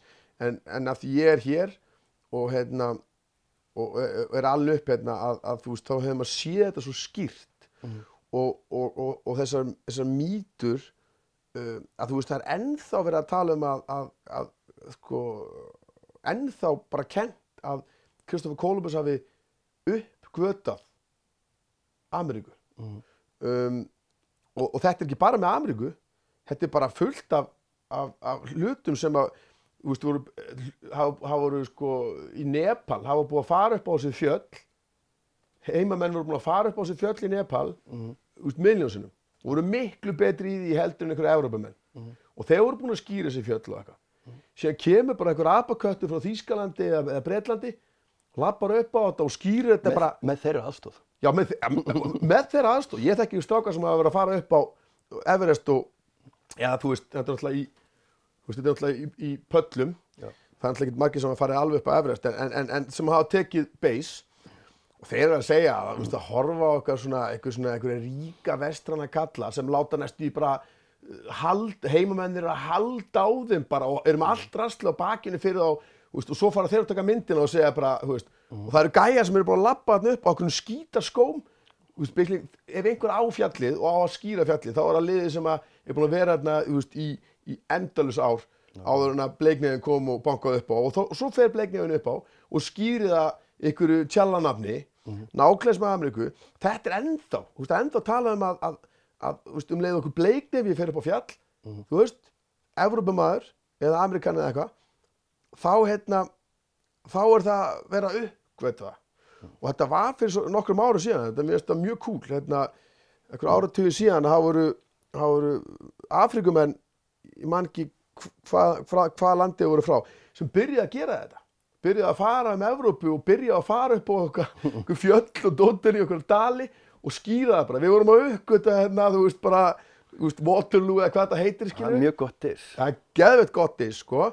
Og, og skýra og, og, og þá þegar menn voru bara hvað kjaftaði þetta, einhverju blökkum? Þá bara þetta, þetta, er bara öll okkar saga skilur eftir að við kynntumst vesturlundum þannig að, og, en þessar mýtur halda lengra skilur að það er svo margt sem er gert, er gert á vesturlundum og þykir bara allt í lagi en um leið og einhver annar stað að gera það og þá er ekki að segja að þessi betra þegar þeir gera það en þá fer þetta allt á fullt í fjölmiðuna og þú veist, og maður sér þetta svo gerast svo skýrt þegar maður fylgist reglulega með, með fjölmiðlum og, og pólitík hvernig kynverjar og rússar nú eru kynverjarnir að vera óvinnir hvernig rússar urðu allt í nú óvinnir þurfum að tala um Kína næst til ég kem til þín. Ég bjó í Kína nefnilega þrjú ár já, ég bjó þetta bara eitt. Já Peking eða? þú bjóst nú örgla, ég bjó í Shanghai. Shanghai. En þú, þú bjóst nú kannski í meira, meira alvöru Kína eða ekki? Nei ég var náttúrulega í Peking þú veist. Já, var, sem er miklu meira alvöru Kína. Shanghai er rosalega opinn og al- alþjóðleg sko. Já, ég var samt náttúrulega sendir á spann þannig að já, já, já. séð, sko. já, já, eða já, já, en það sem ég er að segja er með að þú sér bara að um leið og, og, og, og Sovjetryggjum falla og auðlindirnar eru, er ólíkarkarnir takk yfir auðlindirnar basically mjög oft gæjar sem voru ofalega í stjórnkerfi Sovjetryggjana gæjar sem voru með flokkspassan í kommunistaflokknum og, og höfðu auðvelt aðgengi að því að enga þetta og selja þetta fyrir skít og kanil rosalega mikið til Vesturlanda. Vesturlönd elsku þetta. Vesturlanda var drull sama um mannréttindi. Þú veist, þeir, veist, hvernig getur hvernig geta sko versta einræðisiki í sko bara í allir sögu sko í- alveg síðan það var til hérna bara upp úr það var Sáti Arabia verið til hérna fljótlega ekki almennilega upp úr sem svona viðkend ríki eftir setni heimstöld er þið ekki að fara með rétt með það? já, ég meina breytar voru búin að gefa sátættinni þetta svæði og Já. hérna, þú veist, Sáti Arabi er held í eina ríki í heiminum sem að tilherir fjölskyldu. Einmitt, og heitir Sáti fjölskyldan. þetta heitir eftir þeim. ættanafni þetta er eins og það Ísland héti bara engeingaland það ætti nú bara að heita en, en þú sér það að hérna, vesturöndur í bullandi business og styðja þá vopna uh, sala og, og, og við ógeðslegasta einræðisiki sko ég myndi frekar vilja bara bjú, búa bara í Pyongyang þú veist, af tvennu slæmu heldur en að búa í Sátiarabia sem maður getur ekki fara út á götu og, og, veist, og, og bara gert hluti sem koma enguðunum sjálf með þér og þú getur mist hausinn. Fyrir utan það, að versti viðbjóðurinn vera er það að ég flytja út til annara ríkja. Já. Af því ég var að tala um pappa á hann, hann hefur búið við það og hann sagði mér hvert sem hann fer í músleimheiminum, Indonesia, Bangladesh eða hvar. Það kemur alltaf að því að þú ert komin inn á okkar svæði þar sem allir eru skyndilega miklu meira skeggjaðar en annar staðar Já. og eru meira svona uh, talibananlegir. Já. Án undatekningar, þá er það út af því þú ert að nálgast einhverja morsku sem að tilherir Sáti Arabum Einmitt. og er að predika þessa bókstafstrú þeirra, þennan salafisma, Já. sem er engin hefð fyrir í Indonésiu Nei. eða neinstæðar. En af því að peningarnir koma þaðan og þeir styrkja þessa morskur, þá eru þeir búin að koma sér inn uh, með þessa hugmyndaflega út um allan heim og þannig stráðir fræjum fyrir Al-Qaida og allan hennar viðbjöð. Allan daginn. Og þeir gera þetta og Vesturlönd og bandarækinn dældu peningum. Við erum að dæla peningum hver skiptið sem við förum í bensinstöðu, skilju. Já, við, já, algjörlega, en við svona, það er svona erfitt að ráða við það, sko, já, en, en við erum að náttúrulega, vonum náttúrulega að bensinni fari verið minna minna nota og allt þetta upp, á, ekki bara þetta gera heldur náttúrulega náttúrulega líka, en, en, en, en þegar að uh, Sovjetrygin uh, fara inn í Afganistan, þannig að upp úr 80, lók 70, 80, Já. um kringum 80, þá, þá dæla, þá er Brzezinski, hann sá um uh, aðgerðirnar, sérst, hugsa út aðgerðirnar fyrir hvernig bandarkin getur búið til, sko, gefið rússum þeirra Vietnam. Og þeir dæla peningum og þú veist, og NATO er í raun og veru bara, þú veist, skókassi, Evrópa er bara í skókassa hann inn á NATO. Kanin stýrir NATO fyrst og fremst og ræður ferðinni fyrst og fremst. Þannig að þeir um, taka þátt í því að dæla peningum inn í þá sem að uh, voru helstu anstæðingar Sovjetryggjana sem voru Mujahedin, gengið allt, Sal, Takfiri, Sala, Salafista, Wahhabi muslimannir. Svo þetta ekki Rambo 3. Já, ég já, elska Rambo 3, það sem að bara öfga muslimannir og Rambo eru bara þeysa hann inn í nótt. Maður ekki hvernig hún endar Jú, það kemur bara þið- frelsis barátta, hérna, Tilenguði myndina Mujahedin. já, bara- Mujahedin, sem eru basically það sem að Taliban og Al-Qaida og þetta er alveg sama línan á þessu. Hérna, en mikið af peningum sem fór til Sáti-Arabíu fór í að, að byggja kóranskóla og moskur út um allt þar sem þeim var hleyft inn og þar hérna byrjar að ala upp eins og þú segir algjöra ruggludalla þú veist sem að eru með verstu mögulegu útgáfu af Íslam Ég meina þetta er líka ný útgáfa, fólk heldur alltaf að þetta sé eitthvað meðaldadæmi, þetta var fundið upp á 19. öld, að, þú veist, af manni sem að hétt Al-Wahhab og þess vegna er þetta kallað Wahhabismi. Já. Þú veist, þetta er, þetta er svona mótþrói gegn nútímanum. Þessi hugmyndafræði hefði aldrei getið orðið til á miðöldum af því að hún snýst um að afneita nútímanum. Já. Nútíminn var ekkert til þá. Þetta er svona, þetta er svona, þetta er svona amis bara with a vengeance. Svolítið, já. Já, og þeir hérna, og, og maður, ég, ég, ég hef séð þetta svo skýrt um, þegar ég var í Malasíu núna í, í februar. Þetta er bara, þú veist, þetta var, þetta var sko, ég myndi vilja taka bara, bara alla hlustendur út af sögu, fylla bara breiðþóttu og, og bara leyfa maður að vera þarna og sjá hvernig, þú veist, heilbritt samfélag er algjörlega óháði hvað þið trúa. Þú veist, þar ertu bara, þú veist, ég satt bara með múslima félögum mínum og við vorum bara, þeir, þeir vorum kannski ekki að drekka mikið og sumir drukku ekki neitt en, en þeir smökku alveg og það var ekkert eitthvað svaka flókið að lifa bara út daginn uh, eins og manneskja. Þú veist ekki eftir hvað slæðurnar voru öðruvísi líka. Jú, og líka litirnir, Miklu litrikari. ekki þetta svarta dót með einhverja grind fyrir andlitinu eitthvað. ef þú sérð múslimakonu með litríkt svona munstur eitthvað á, á hérna slæðinni, það er alltaf frá Malasíu. Já, Alveg Indonesia líka. Indonési líka. Já, ég hérna, maður tók alveg eftir veist, og, og það var ekkert mál, þú veist, og það voru konur að reka fyrirtæki og, og, og það var hérna, og þú veist, og, og það var ekkert, þú veist, það var ekkert hrætt af að brosa til manns og, og, og, og hérna, og þú veist, hérna, þú veist, hérna, maður, ég, við vorum einu svona glussa, vel glussaðir, sko, og fó- fórum inn í búð og vorum að geta leita einhverju, áfengi. Og þá var, var liðið sem áttu þá búð þau voru eitthvað að hlæja að okkur bara hvað er að gera hérna? Eitthvað, hvað er og við vorum að segja um að leita að bjór. Og, og þá, þá benti þar það er hinn með göttuna því það kynverjar er alveg 20, 25% af Malasíu og, og þeir taka bara þessu áfengisöluna því það er í, í, í Malasíu þá eru, sagt, uh, það eru sharia lög Mhm. en þau er ekki aðsta dómstíð. Og þau gilda bara fyrir múslima. Gilda bara fyrir múslima. Mm. En svo það er skýt sem að ef þú fer til Sátiðarbyggu, mm. sharia lög eru allstar yfir alla og saminu öll öflugustu bandamenn uh, Vesturlanda í, í, í múslimaheiminum eru sturgluðustu mögulega úrkynnin á bara á, kóranum sem til er. Mhm. Um, og maður sér það svo skýrt hana og við sögum bara, já það, þetta er haramann á henni minn, þú skilur, þeim var það svo fyndið, skilur, og þau var ekkert eitthvað að reyna að, að, breyta því hvernig við vorum, þetta var bara alveg, þú veist, alveg chillað. Um, þannig að, hérna, Já. Mér var einhvern veginn gefið í Palestínu uh, mjög stoltur hérna, veitingastæði eigandi sem kom og gaf mér flösku af hérna, óafengum palestínskum bjór já, sem hann kallaði Bier Islamía. já.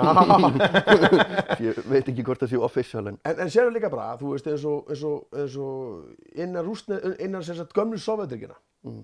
þú veist, með fullt af löndum sem eru múslima, múslima byggja, Mhm. þú veist, Turkmenistan, Tatsikistan, Úsbyggistan.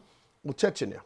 Ok, um, auðvitað uh, voru sovjetmenn duglegir að, að, að, að berja, berja sko niður trúabröð uh, og það er frábært að, að, svona, að vera ekki að, að, að, að það, er, það er mjög gott að trúabröð séu persónlegt mál fólks, finnst mér, en, en náttúrulega auðvitað fóruður náttúrulega mjög harkalega í sovjetryggjunum að öllu, sama hvað þið myndu vel eða eitthvað, en Tjetjenar uh, er ekki, það er súfist, súfistarnir er ekki þeir sem dansa alltaf hérna í hring og uh, sko þeirra Íslam verður ekki svona sturglað í raun og veru fyrir en að, að sátarnir dæla peningum að Tjetjenar voru að verja sig gagvart rúsa, rúsa náttúrulega vildu halda Tjetjenju, mm -hmm. Jeltsin, þá var það líka allt í lagi því þá var Jeltsin, þá voru öðlendirnar ekki höndum á rússum sko jafn mikið, það var svo mikið vestönd grætti svo mikið á, á Jeltsin-stjórninni því að auðlindina máttu flæða bara til Vesturlanda og þá var allt í lagi að, að rústa Tjetjenju en, en afleikin af því árasa, sérst, árasi rússa á Tjetjenju og síðan það að sátarnir fara inn og sá sínum fræjum uh, Vahabi, Salafista uh, takk fyrir uh, dóttinu það er búin að breyta, þetta er óslega neikvægt að sjá breytinguna, hvað þeir verða öfgakendir Mhm. og við sjáum alltaf líka sama bara hvernig uh, sko, hvernig endalus afskipti Vesturlanda að með Östurlandum hafa æst upp öfga sko Íslam Og ekki gleyma þér samt líka, bara þú varst að segja þetta, það datt mér allt í einu hug. eh, Bandaríski pretikarar eru fannir að fara til Afríku og pretika þar gegn samkynneið og, og hérna og jáfnveil katholikar fara þann og banna fólki að nota smokka og vera að innleiða alltaf versta frá Vesturlöndum inn í þeirra trúarlíf. Já. Þú veist, þannig að við erum alltaf að flytja út okkar við eigin viðbjóð. Já, og þetta er svo vestrand líka. Mhm. Þetta er sko, nú hljóma ég bara eins og bara, þú veist, e, e, almenn vest, það er svo margt æðislegt en það hjá okkur í Európu um, sem við getum tengt við upplýsingu og annað, en, en það er bara þegar, vald, þegar þeir sem vilja halda völdum eru að beita sínum bröðum til að halda þeim áfram, ekki bara yfir okkur, heldur líka yfir öllum heiminum, þá, þá er það viðbjörn. Það er það sem er kerfin sem eru, sko. En hérna, Eitt sem er, er, er ég gripað fram með þér? Nei, nú er ég búinn að röfla nógu lengi. Eitt sem er í hug, af því ég er, mitt sérsvið er alltaf verið eitthvað svona, læri eitthvað nýtt úr skrítið sem ég hef aldrei heyrt aður, þannig að ég sapna svona óþarfa fróðleik. Að því hún veist að tala á hann um þetta kerfi í Indlandi, stjættakerfið, Dalitan á alltaf, að hérna, það er fæstir sem vita það, að þetta kerfi var lengi til í Japan líka og er í raun ennþá til, þó að Japan er viðurkennið það ekki. Já, sérst, þú voru að tala um, þetta er kallað caste system. Car system, já. Það er sagt, það er, uh, ef þú þekkir söguna á Indlandi, þá sagt, þeir sem er í lægsta flokknum þar, Já. eru afkomendur fólks sem þurfti að vinna með kjöt og, og, hérna, og leður. Mm. Af því að í, Stjættlýsingarnir. já, stjættleysingarnir, af því í gamla daga sérstaklega í hindúasið, þá gerður þau óhreinan með því að, að slátra dýrum og, og hérna, Nau, já, og þannig að það var nú hægt að flega þessu, það var hægt að flega þessu í ganga aftur hérna Já, fljótlega á. Vesturlandi. Þannig að þú veist, allir sem unni í þessum miðnaði, svona 10-20% þjóðarinnar á þessum tíma, urðu sjálfkrafa lægsta stjættin og allir þeirra afkomendur líka. Já. Þetta gerist líka í Japan, af, af því að þeir voru buddhistar, maður hefur náttúrulega hefð frá hindúum líka, þá myndaðist þessi hefð allir uh, leður vinslumenn og allir kjötinaða menn uh, enduðu í lægstu stjættinni en vandamálið þar er að þetta var ekki uh, neinst það skráð, við. Þannig að í dag, enn þann dag í dag, þá eru til sérstakar svona enga spæjara skrifstofur í Japan sem ger ekkert annað en að treysa fjölskyldusögu fólks sem eru að fara að gifta sig. Af því að segir, segjum að, að ungi maðurinn í fjölskyldinu komi heim með einhverja unga stúlku og segist alltaf giftast henni að þá fer pappa og mamma og leigir enga spæra til að fletta upp fjölskyldusögu hennar til að komast að því hvort að hún sé nokkuð komin af stjættlýsingum Já, ok. og þetta er aldrei talað um utan Japan en uh, mér var bent á að það er ein mynd eftir held ég Tokugawa eða eitthvað, ég man ekki hvað hún heitir en hún fjallar um, um mann uh, sem er ríkur Japani og það búið að ræna sinni hans og fara fram á lausnargjald og öll myndin er bara snýst um að semja við, við þarna, uh, um lausnargjaldið Mm. nema hvað, það er bara ein lína í myndinni þar sem að kemur fram að ríkikallinn sagt, uh, var skógerarmaður í æsku og rak skógerarfyrirtæki Mm. og pabbi sagði mér að allir Japanir sem sjá þessa mynd fattar strax hvað það þýðir Mm. af því að þú skógerarmaður þá vinnur með leður Mm. sem þýðir að þessi maður er stjættleysingi í Japan þrátt fyrir að vera svona rík Klikka. Þetta er svo geðveitt. Þetta er svona, því núna, núna eru svona einhverju svona gæjar sem bara lifa á góðapulsum, eru bara, þessi vegan fasistar. Ég, þú veist, mér finnst vegan, uh, sko, bara, ég held að, að mismiklu leiti haldi að vegan sé rosalega mikið framtíðin, þú veist. En þannig erum við alveg dæmi um bara hardcore vegan fasisma, sko. út af karmakerfinu af því að þú veist, þú ert að drepa dýr þá missur þú eitt smá karma í hver sinn sko. Já, já. og ef þú ert að gera það allan daginn og þá náttúrulega hrúast karmaði þetta alveg niður úr gólfinu sko. Djóðlega þetta gott maður. Þetta er mjög svo stór merkilegt. þetta er nefnilega eitthvað sjaldan talað um þetta sko. Já, nei, hérna, það er svo gott ef maður, sko, ég, ég, hérna, þess að verða menn alltaf að, að, að, að því nú vorum, hef, hef, hef ég talað við hugleik, sko, það verð, menn verða að hafa, verða að vera, allir verða að hafa í sér eitthvað nörd, sko, því annars er ekkert spennend að segja frá, skilur við, hérna, ég, ég hef ekki hugmynd um þetta, um, en hérna, eitt sem ég lærði í dag líka um Rússland ef ég má skjóta því inn. Já, einmitt, ég ætla einmitt að fara að tala um Rússland, já, Já, við séum að allir leiðtúa Rússlands og Sovjetríkjana frá 1825 á til skiptis verið sköllóttir og ekki sköllóttir. Já, já, einmitt, fyrir utan reyndar einn tímabundin sem tók við eftir Stalin en það fyrir eftir koma til Beria sko Já, hann var í kortir eða eitthvað. Mm. En, en, og, og mér minnir einmitt líka að, ég var að tala um þetta við rúsana, það var eitthvað með, það var alltaf betra að hafa sköllótt að manni. Já, ok Er það ekki rétt metið hjá mér, það fyrir til hvað rúsa að tala við, Já, jú, en þú veist, Gorbachev meinti vel, hann misti þetta bara úr höndunum. Mhm. uh, Brefsnef, hann var harlínukall, Mhm. Brefsnef var harlínukall, hann var með hár. Var það ekki, var hann ekki með hár? Khrushchev kemur náttúrulega eftir Stalin sem að Nei, fyr, fyr, já, já Khrushchev hann er sköllóttur, Mhm. kemur eftir Stalin ok, Lenin er með hár og hann gerir byltingu sem að opnar allt og, og þú veist, og það er kvennfrelsi og allir fjandinn Sta, Stalin dregur þetta allt eins og bara, bara sem sagt uh, hérna, Nú fyrir ég að hugsa, var Lenin með hára á þessum tíma? var, já, já, já, nei, nei, nei, fyrir ekki, nei, sko, Stalin var sköllóttur, nei, fyrir ekki, fyrir ekki, Lenin var sköllóttur, já, Stalin með hára það er bylting, þú veist, þá var allir með og frjálslindið og kvennfrelsi og, og, og, og þú veist, það, það þurfti bara einn aðalega í hjónabandi, frjálslindið það skilnaðalöggi var á tími Sovjetryggjana, sko, þegar, Lenin var. Já, Stalin kemur síðan með hár og, og það eru, sko, hann fer í, hann er náttúrulega mjög hægrið sinni var hann, sko, hann bara fór alveg á skjön við það sem bylti, sko, byltinginu miklu stóð fyrir að, að, að væri, sko, hérna, hann fór í fjölskyldugildin og, og hann fór í, í þú veist, og hommalögin gegn hommum, sko, fyrst lögsáðurinn gegn hommum eru frá honum, held ég alveg, ég held sér ekki ljúa neinu að þeir koma með honum.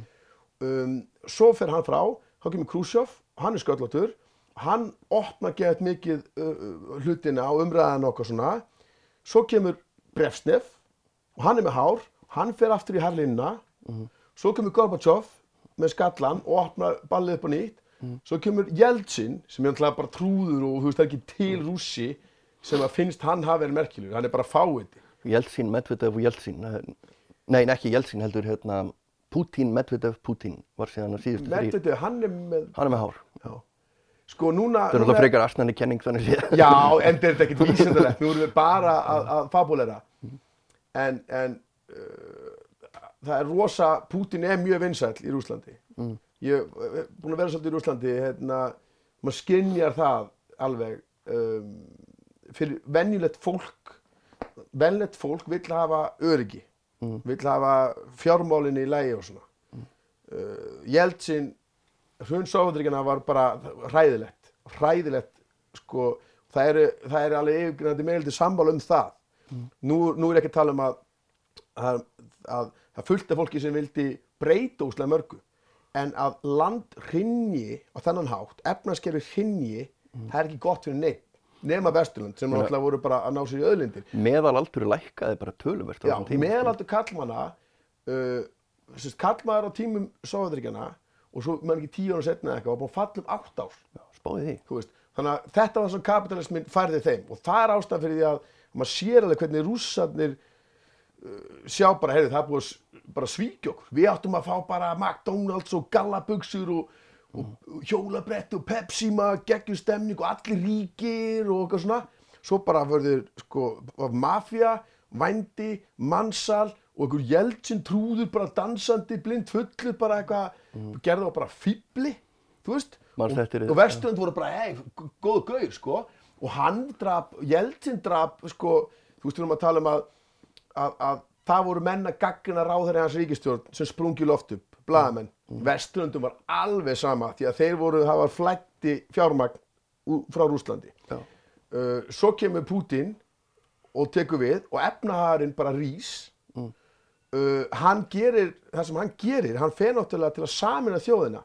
Því að Sovjetríkin voru saminu sem Sovjetríkin á sín tíma þegar það klikkar þá fara kallarnir baka tjöldin og hugsa hvernig getum við saminað þannig að við getum átt land sem er saminað þannig að hann fer uh, ólíkt Jeltsin sem var bara klopp, var bara í því að kljúfa landið þá fer hann Putin í það að, að taka hvað er öflugustu póstadir jú það er sko kommunistarnir sem eru ennþá stærsti stjórnarnastöðuflokkurinn í, í, í Rúslandi þeir eru rosalega öflugir innan hersins og, veist, og innan í kerfinu ennþá.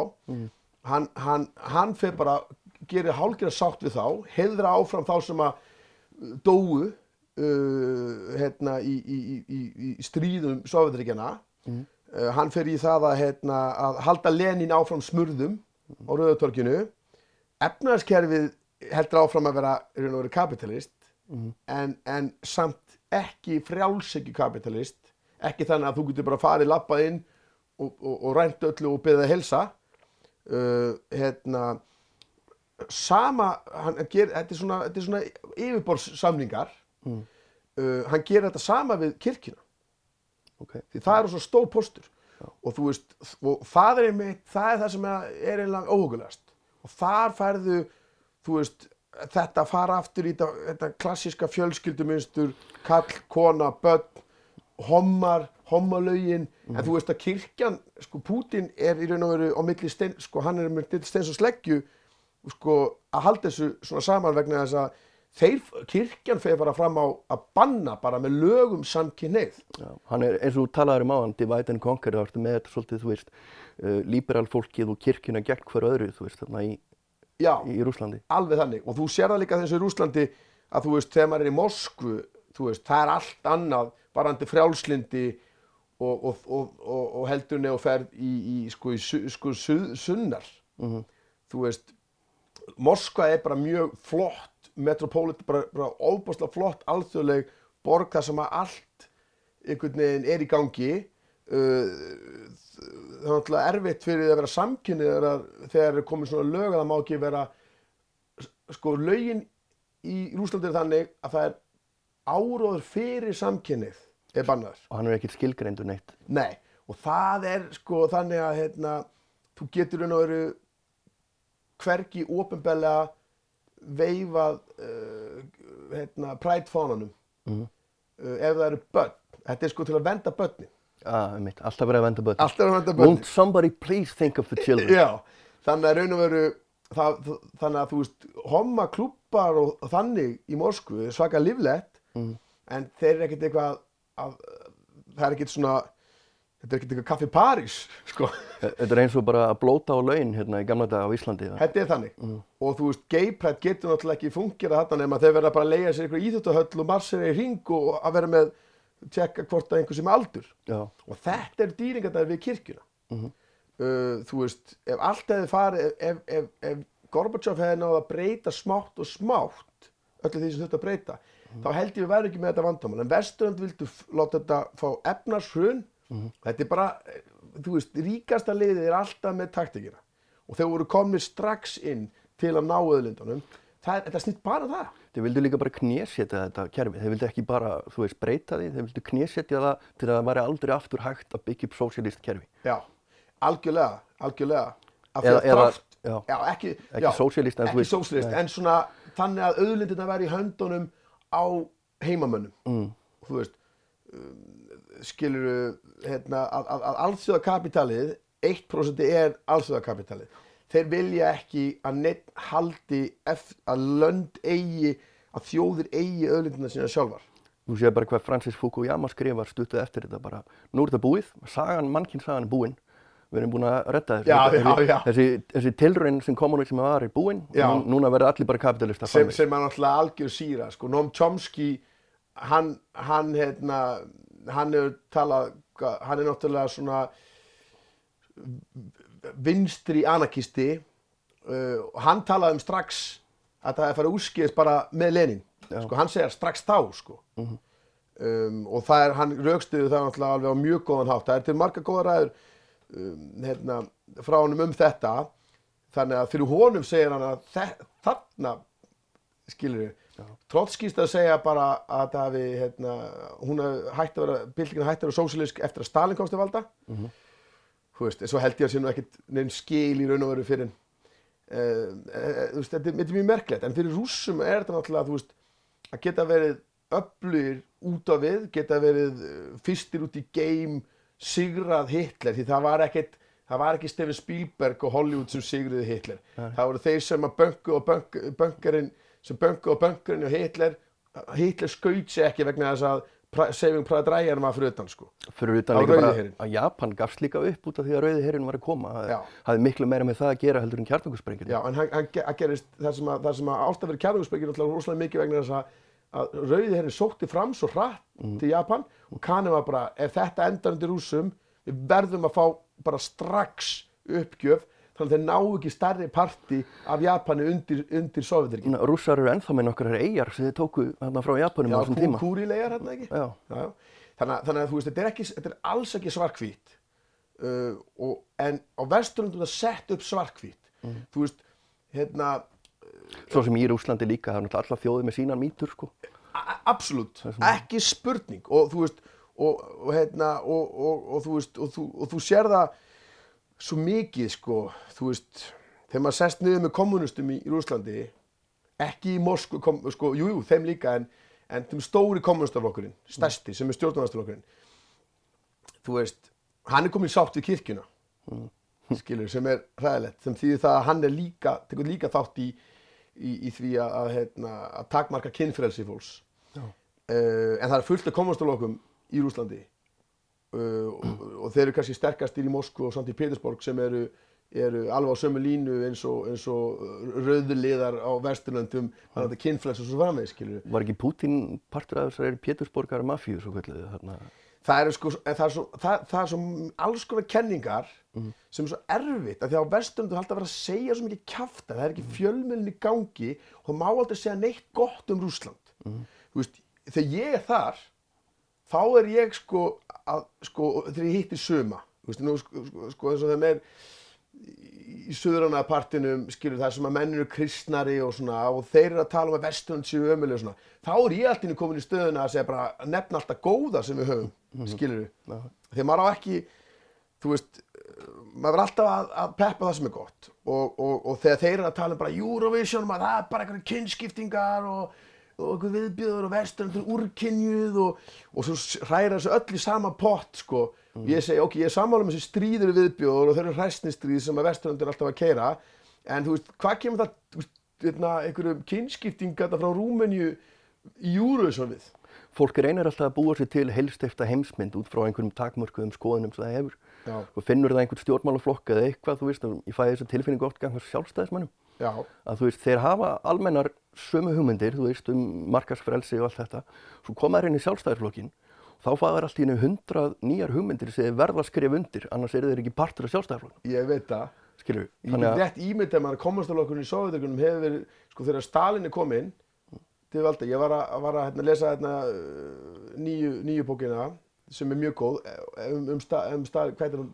Biography of the Dictator, Oleg, oh, ég þarf að muna þetta, því að uh, ef þú vilt sjá rúsneska sögu, uh, glimti að vera þú veist, nefnum sért akademiskur á Vesturlundum, það er fullt af akademik á Vesturlundum um, um Sovjeturkin sem er frábær. Já, en svona ofinbellega, þetta er bara rosa mikið þvættingur. Oleg þessi, hann, hann talar um þetta hvernig Stalin byggði upp klíkuna kringu sig. Og þú veist, ég sé bara, ég veist, maður á aldrei að nota of stór og alvarleg nöfn fyrir, skiluru, á ekki að misnota það að, að, draga Stalin eða Hitler eða Churchill upp úr hattinum, skiluru, en, en bara hugsunin, hvernig þú raðar einmitt, það fullt örgulega liði sem fór í kommunistálokkinni í Sovjeturkjónu sinni tíma undir Stalin sem, sem hefur svaka róttakar flottar hugmyndir en þegar þú komin að inn, þá ertu bara eins og frjálsíski gæðin sem fari í sjálfstæðarlokkinu og þurfa að skrifa undir alla vitleysuna. nákvæmlega. Það er einhver pakki sem að þér er afhendur, skilur við. Þú, ef þú ætlar að vera einn af okkur Já. og við hugsaum mjög svipað, þá verður líka að taka inn alls konar hugmyndir sem þú kannski hefur aldrei velt fyrir þér áður. Nei.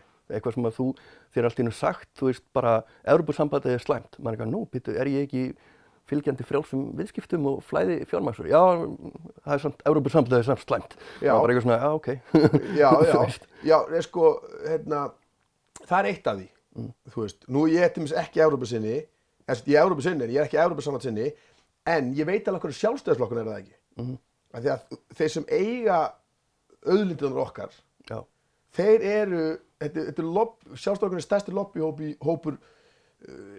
Íslands, mm sérst, SFS, LU, whatever, eru, sjálfstæðisflokkurinn eru bara eins og lobbyistandi þeirra. en það getur náttúrulega ekki sagt það ofinbeglega, Þeir geta ekki sett það ópenbila og Evrópasambandið myndi þýða það þú veist, þú skulum ekki að fara að ríðast um Evrópasambandið tökum það setna, því við munum alveg geta gert það Já. að ég, sko hérna, þeir vilja frekar LU kvótaklíkan á Íslandi vilja ekki að sé belgísk kvótaklíka sem á fiskinn okkar. Þeir vilja að séu gæjarnir sem hafa átt þess að 14 fjölskyldur eða hvað þetta er. Það er ástæðan fyrir því, það er ekki neins neitt gott að bak við það sko. Uh, uh, en það eru fullt af hlutum við viðbútt alls konar einókun sem er ekkert að gera með veist, alls konar flokksráðningar. Líktu bara á álíktanirnar frá SÚS Já. og berðu þær saman við flokksting sjálfstæðarflokks, bara brandari sko. Bara brandi, menna, þú byrjar sem einhver gæi sem vil afnema laurugluna og löglega öll fíknefni. Mm. og svo ertu bara orðin dómsmálar á þeirra nokkrum árum setna þess að þú ert að skera upp herur gegn hassi eða eitthvað skilur ég bara, veit það, ég veit það. bara, hvað gerðist? ég veit það, það er málið hérna, það er málið. Þannig að mér finnst sko þess að mýtur eru svo marg, en þetta er hárrétt að því að rússatinn alveg sína mýtur stórveldi eru sterka, eru mest í mýtum við erum að tala um bandarækinn er náttúrulega bara einhver mýtu bara pottrætti frá helvíti Við getum alltaf orðað að þannig erpur að bandaríkin eru mýta, öll þjóðríki eru mýta. Ég meina, þú veist, Já. þjóðríki er ekki til nema í huganum á fólkinu sem að... Já, þ- þetta er að rétt, en þarna komum við aftur að því þegar Gunnar Smári var að tala um að, að hérna, taka niður Ingur Arnarsson. Mm. Rökin fyrir að taka niður Ingur Arnarsson um, og rökin fyrir að afnema íslenska þ- þjóðríkið, um, um, sko, ef það er þannig að það var allt í hennu, allir, ef allt í hennu væri bara risu upp á Íslandi bara yfirgnæðandi meirhluti sem að myndi vilja það og ég myndi ráða uh, sérst ég var við stjórnvölin ég var orðin, ég var komin í Ar á Arnarnesið og væri bara hérna og, og þá, þá eru rökin alveg til staðar skilur og þá myndi ég samþykja það skilur en á meðan að, að vera Íslendingur uh, á meðan meirhluti þeir sem eru tala um Ísland og okkar sögu um, um, og það jákvæða skilur allt sko og meðan það, það, og meðan það er það jákvætt fólk og gott fólk sem að veifar fánanum, þá stendur fánin fyrir það, finnst mér. Já, já, já. Og líka af því að Ísland er fyrirvændi nýlenda, þá er að veifa okkar fána þýðir ekki að við höfum áhuga á að, að, að, að ræna auðlindum, auðvitað eigum við drullusokka, en þeir eru ekkert að gera endla, sem, fattar nei. að vera, þú veist, munun á að veifa bandarska fánunum eða, eða, eða belgiska eða, eða breska uh, eða þýska það er allt annað heldur en fyrirvændi nýlduríki Afriku að veifa sínum fána þegar að vera sjálfstæðir eða Söður-Ameríku eða Ísland. Þa, það er munur sem ég setja en það sér það líka það ástæð fyrir að, að hægri öfgamenn hafa aldrei einhvern veginn náð að nýta sér þjóðuniskemdina almennilega því að öll okkar helstu ættiraljóður eru samin af kommunistum og sósílistum. Jóhanns og Köllum og félagar. Þú veist, uh, þú veist, ég meina Gilvi Ægisson, skilur, hvað ætla þetta að láta hann sem einhvern ættirasöng eitthvað bara, ekki, þú veist Sko, þjóðirnis, þannig að þú veist, þannig að, að vera Íslandingur fyrir yfirgnandi me meðelda þjóðana merkir allt annað og okkar stolt, það er það þegar við stöndum saman og hjálpum hvort öðru hvort sem það er COVID eða við að, að vinna fótboltan eða, eða handboltan eða kraftakeppnin eða hvað nú er þess vegna set ég aðeins mun á og það er stór munur, stór Já. munur á. Þetta er kannski eins og spurning með grínið, hvort maður er að kýla upp eða niður. Mm. Að hérna, þú, þú veist, þú lítur á þessar þjóðirnisreifingar, kurda, palestínumanna og allt það. Já. þá eru þær þær eðlis að þeir eru að kýla upp gegn kúun annara þjóðarinn sinna. Úr og, öðrum, og talandi Black Lives Matter af, það er ekkert að því að segja Black Lives Matter það þýðir ekki að það skiptir meira máli en líf hvítra Nei. en það er bara ekki verið að taka á því að, að blökkumenn séu skotnir bara svona hundar, þú veist, af löggunni það er ekki tekið á því að, á, sem sagt þeirra líf skipta greinlega ekki máli í kerfinu. Nei, Þú veist, Black Power er ekki að sama White Power. Mhm. þetta er svona eins og þú veist ef, ef, ef, ef þú ert kúaður út af því þú ert svartur þá hlýturu að reyna að byggja upp um, stolt og, og sjálfsvitund og, og segja að það sé lægi að þú sko sért með, með krullað hár og sért dökkur þjóðið þurfa þess. Og þess vegna þurftu Íslendinga líka til að stappa stálunni í okkur. Þá náttúrulega þurftu við svona að þennja okkur aðeins en við gerðum ekki að kostna eins eins og, eins og ég sé það. Nei, emi, það er enginn að tala um að útiloka neitt annað fólk þó þú einblýnir á einhvern einn hóp sem á sérstaklega í vandræðum núna, Já. þá ertu ekki eitthvað þar með að gefa skít í alla aðra. Þess vegna er þetta all lives matter, það er svo ógeðslega lúmst rasist, sko, af því að, hérna, maður heyri marga á Íslandi tala um þetta því að við höfum náttúrulega minni reynslu af þessum rasisma í bandaríkanum og allt það. Það skipti ekki bara máli hvort maður er grænn eða fjólubláður eða eitthvað, þú veist, en uh, þú það verður að skiptir það þegar þú lendir í löggunni gera það. Það skiptir máli að þú upplifur á hverjum degi annan raunveruleika heldur en aðri með, meðborgarar þínir. algjörlega og svo náttúrulega líka er þannig að hérna, að ef að hérna, þú veist að, að hérna, þú veist um leið og ég myndi sjá fán sérst, íslandska fánan og okkar sögu og svona standa vera, vera, vera heilt yfir notuð í svona tilgangi sérst, heimsölda sinnum tilgangi þá er það ekkert lengur minn fáni sko. skilur mig? Þetta og, og þetta er svo, þetta er svo merkilegt með bandarækin þegar bandaræski fánin hann hafði merkingu sko það sem fyndi að vera að tala eitthvað þú veist, með eitthvað svona kallar eitthvað svona að tala um að bandaræski fánin standi fyrir frelsi. Býtu, þú að fara sko veist, hvað 200 á tilbaki tíma til hann hafi staði fyrir frelsi fyrir einhverjum en samt var það frelsi en þetta bara ríki hvíti kallmenn Það var alveg stemning í kringum þetta, ég meina eftir frönsku byltingan og allt það. Já, og það losna var- undan bre- breska sko, konungsveldinni. Mhm. Að losna, það var mjög mikilvægt stig að verða sagt, uh, líðveldi, eða sagt, að losna við, við, við eðalbó, sem, fólk sem fæðist bara inn í stöðuna uh, sem kongar. Þannig að, þannig að það er alveg til lið, sko, svo bandaræski stóri, hérna, gamli komastálokkurinn, hann veifaði fánum, bandaræska Já, skilur við, og, og, og því þá voru þeir líka að vísa og þeir voru með stýttur af Abraham Lincoln og svona Mhm. en síðan náttúrulega, meina Líberja tók fánan mjög svipaðan upp já, bara með einnig stjörnu og Malasía líka. já, við mala sér með af þessu já. Já. þannig að einhver, einhver tíumbóti hefur þið hjá einhverjum staði fyrir eitthvað en svaka mýta stórveldi eru svo mikið með þessar mýtur. Uh, hérna, og það ábyrðum öll stórveldi Rússland líka, þú veist það þú veist, Kína og svo All, framleiðis all þjóðríki og allir hópar hafa sína, eh, að því að við erum svo og við eigum alveg okkar mýtur. Þá, þá komum við kannski aftur að jólasveininum ef, og svo lengi sem að þú gerir einhver mein og trúir á þennan eða hinn jólasveinin eða þennan eða hinn og, og það er ekki fælst ekkert í því að kúa aðra eða breyta lífi annara þú veist, uh, á, á, á neikvæðan hátt þá er það einhvern veginn mýtur sem maður er bara svona æ, þetta Ég meina við sem manneskjur erum í því allan daginn að búa til sögur um allt sem er að gerast í kringum okkur. Það er bara þannig sem heilin á okkur virkar. Þú byrjir til sögu um af hverju þú mistir vinnuna, þá er út af því að einhver vondur við þig eða eitthvað þú veist, þú verður að geta gert grein fyrir því af hverju hlutin er gerðust. Já, já. Og þess vegna ertu allan daginn að reyna að sjá samengi í hlutunum og þú veist, og það samengi er oft bara til í hausnum að þér, mm. því að þú sér samengi það sem að ekkert er, til, til dæmis um, um hérna, þegar að uh, fólk kennir öðrum um, eða fyrir ekki, svo byrjum búin í það, það er svona kenning í, í sálfræði og félagsfræði sem gengur út á að, að allt sem að kemur fyrir þig Mm. er einhverjum öðrum utanakomandi að kenna Já.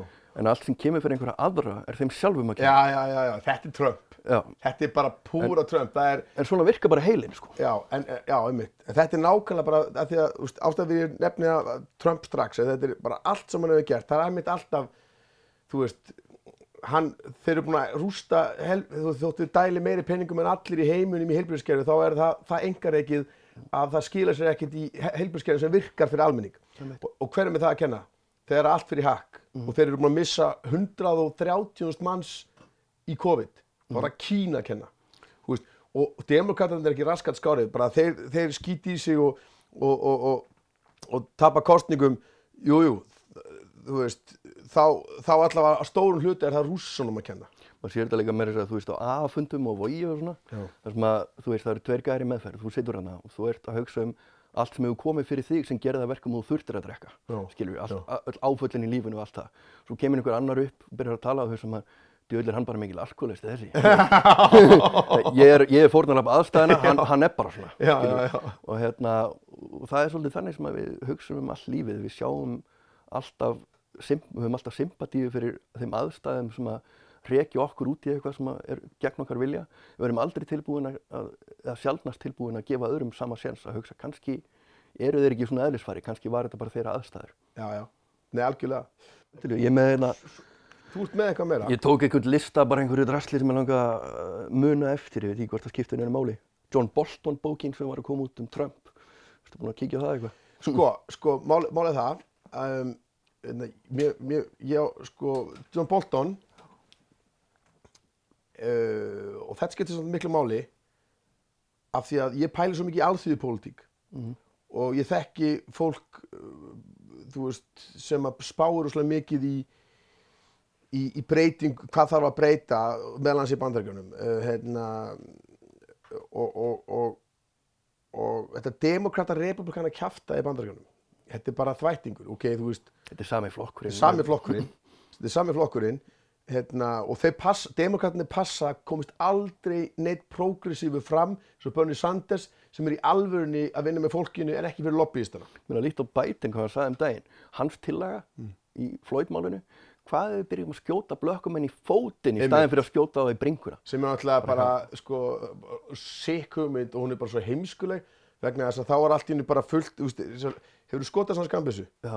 þú veist, þú hittir þú, þá myndi allt í henni fullt af blökkumunum vera geldir bara, þú veist. Þú veist, smá hreyfing í úleinum breytir bara mjög miklu um hvert kúlan fer. alveg bara, þú veist, og, og hvernig þeir drita líka. Og þeir, þeir, þú veist, þeir, maður sé nú bara hvað þeirra, eins og þeir skutu þarna Diallo, Var það það sem hann er hérna einhvern veginn? hann var, hann var að taka, nei, hann, þeir- hann var sko, hann var skotin 41 skoti. Já, og það voru sko miklu fleiri skotum skotið. Já. og þeir hitt ekki eins og en, en það er erfið, það er ekkert auðvelt að hitta með skambissu, þú veist, nema þeir eru svakalega góða skittur eh, ef þetta er orðið eitthvað færi, en það sem ég er að segja er að hérna, þetta skýri óslega mikið munin á demokratum og republikunum. Mm. Ég meina, demokrater eru líberal flokkur og líberalismin, eh, eins og bandarækjumenn náttúrulega orð sem að þýði mismunda hluti, en, en bandaríski líberalismin er bara málamiðlun við kapitalisman til Mhm. þess að halda aftur af öllum rótækur kröfum vinstrimanna. Það er, þetta er feik vinstriflokkur Já. sem að í raun og veru er bara alltaf að reyna að friðþæja almenning gangvart kapitalisminum frekar en að gera einhverja breytingar á kerfin. segjum svo að, að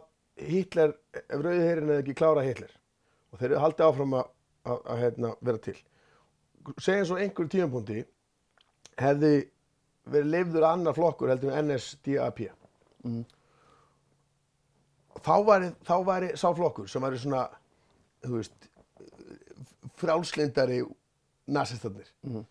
þá væri þeir í dag að berjast fyrir því að, að konur ætti að geta sett gasklefin í gang líka sko. konur verða að fá að geta veist, konur og hommar verða líka að fá að eða ekki hommar en, Þetta er svo en nákvæmlega hjá meina. þetta er, þetta, þú veist, að, að allt það sem er ömulegt skilur við uh, bara ef allir fá að taka þátt í því sérst, kúun og fátættin og líka bara þú getur ekki tekið út mismunun uh, út af stjætt og út af peningum.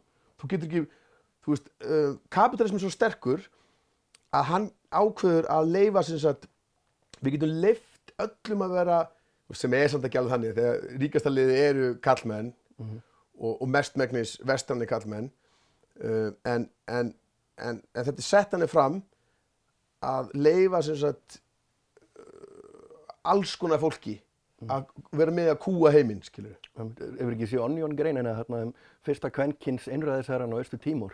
Nei, Það er alveg frábært svona vídeo viðtal við fólk í einhverju þorpi sem að allt í ljósum logum og lík út um allt og eitthvað. Og einhver konar sem segir bara, mér er bara stórkostlegt eftir að hafa verið kúið að kallmönnum í ára tugi að það sé loksins kona sem er að kveikja í þorpinu okkar. Já, já, já, já. og þetta er rosalega öðna, valid að, og þá er ekki að gera þá, okkar barátta er allra skilur við uh, þú getur ekki tekið bara það sem að efnaðiskerfið leifir breytingar sem þeir leifa veist, Obama er líka get smokescreen. Já, þú veist, Meina, hvað draf hann mikið af fólki án dóms og laga í, drón ára sig og, og, og með þess að fyrstur er ekki til að drepa bandarinska ríkisborgara. Jú, af Laki hérna í Jemen. Já, þannig að þú veist, uh, en, en uh, úst, svo auðvelt núna með þetta Trump-tríni hana að segja, wow, býtu, Obama var skárri og auðvitað var hann skárri, auðvitað, en það er alltaf erfitt að vera ekki skárri þegar þú ert með hana Mango Mussolini hann í kvítahúsinu, sko. Ég meina maður sem heldur að Finnland sé hér að í Rúslandi Já, Veistu það? Að Það er í John Bolton bókinni já, hann það Hann fyrir. spurði að þessu í flugvél á leiðinni til Helsingi. Hann var ekki búinn að flettis upp á Wikipedia neitt, hann var að fara til Helsingi og spyr hvort er Finnland svona leppríki undir Rúslandi eða bara partur af Rúslandi. Wow, Og bara eitthvað kvorugt, og hann eitthvað, nú er það. Svo sagði Theresa May vist við hann hérna að þetta væri svo alvarleg hérna, skrýpalmálið, var svo alvarlegt af því að þarna væri tvö kjarnokkuríki að takast á. Og Trump segir eitthvað byrju, tvö kjarnokkuríki, eru þið með kjarnokuvopn? við fórsetur að vera breytlar, skilju. Þannig að, meina, þetta er bara næstu því hlægilegt, sko. þetta er, þetta er mjög hlægilegt, en, en, en svo verðum við, sko, svo kemur svona smá ská inn í sömraða að ef Trump var ekki að gáfaður, þá var hann miklu meiri skada á hann. miklu með skaðanum og það er það sem að ég, ég held sko að, að það sé miklu hotlara að sjá bara þú veist uh, svart á hvítu hlutina. Mér er betra að einhver gæi þú veist þú veist einhver pervertin í bæ bara sem er í húsasundi með speglagleru með skalla á greitt yfir og sem hann er sveittur í ríkfrakka í húsasundi bara og með blístífan þú veist það er ekkert mál átt að sér stað. Þetta er fucking pervert skilur en þú veist einhver sætur gæi eitthvað svona, sem á okkur pening skilur Þessi hjaltisteð gæja hann. ég ætla, ég ætla svo mikið að fara að vega móta nöðgarinn skilur þú átt ekkert strax á þú veist, sjarmi og gáfur gera það ekki að góðri mannesku Nei.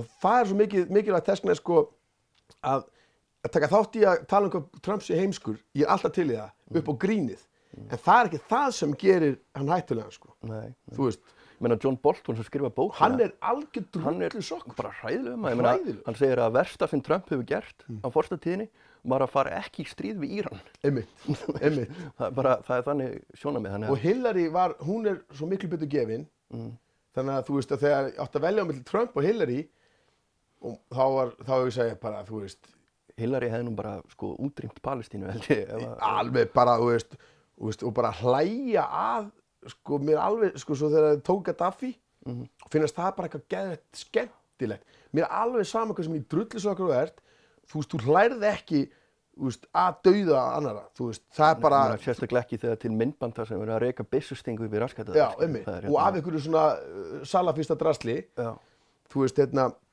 þannig að, hérna, þannig að, þú veist, þetta er inn, innræði, þetta er, ka- þetta er svo þróað kapitalismi, hann er svo pú, úst, að láta liðið halda sig eitthvað frá að breytast, það er ekki að fara að breytast. Og þetta er, bandarækin eru null líðræðsík, þetta kjörmanna kerfið þeirra, Hillary fekk hvað, 3 miljón fleiri atkvæði eða hvað?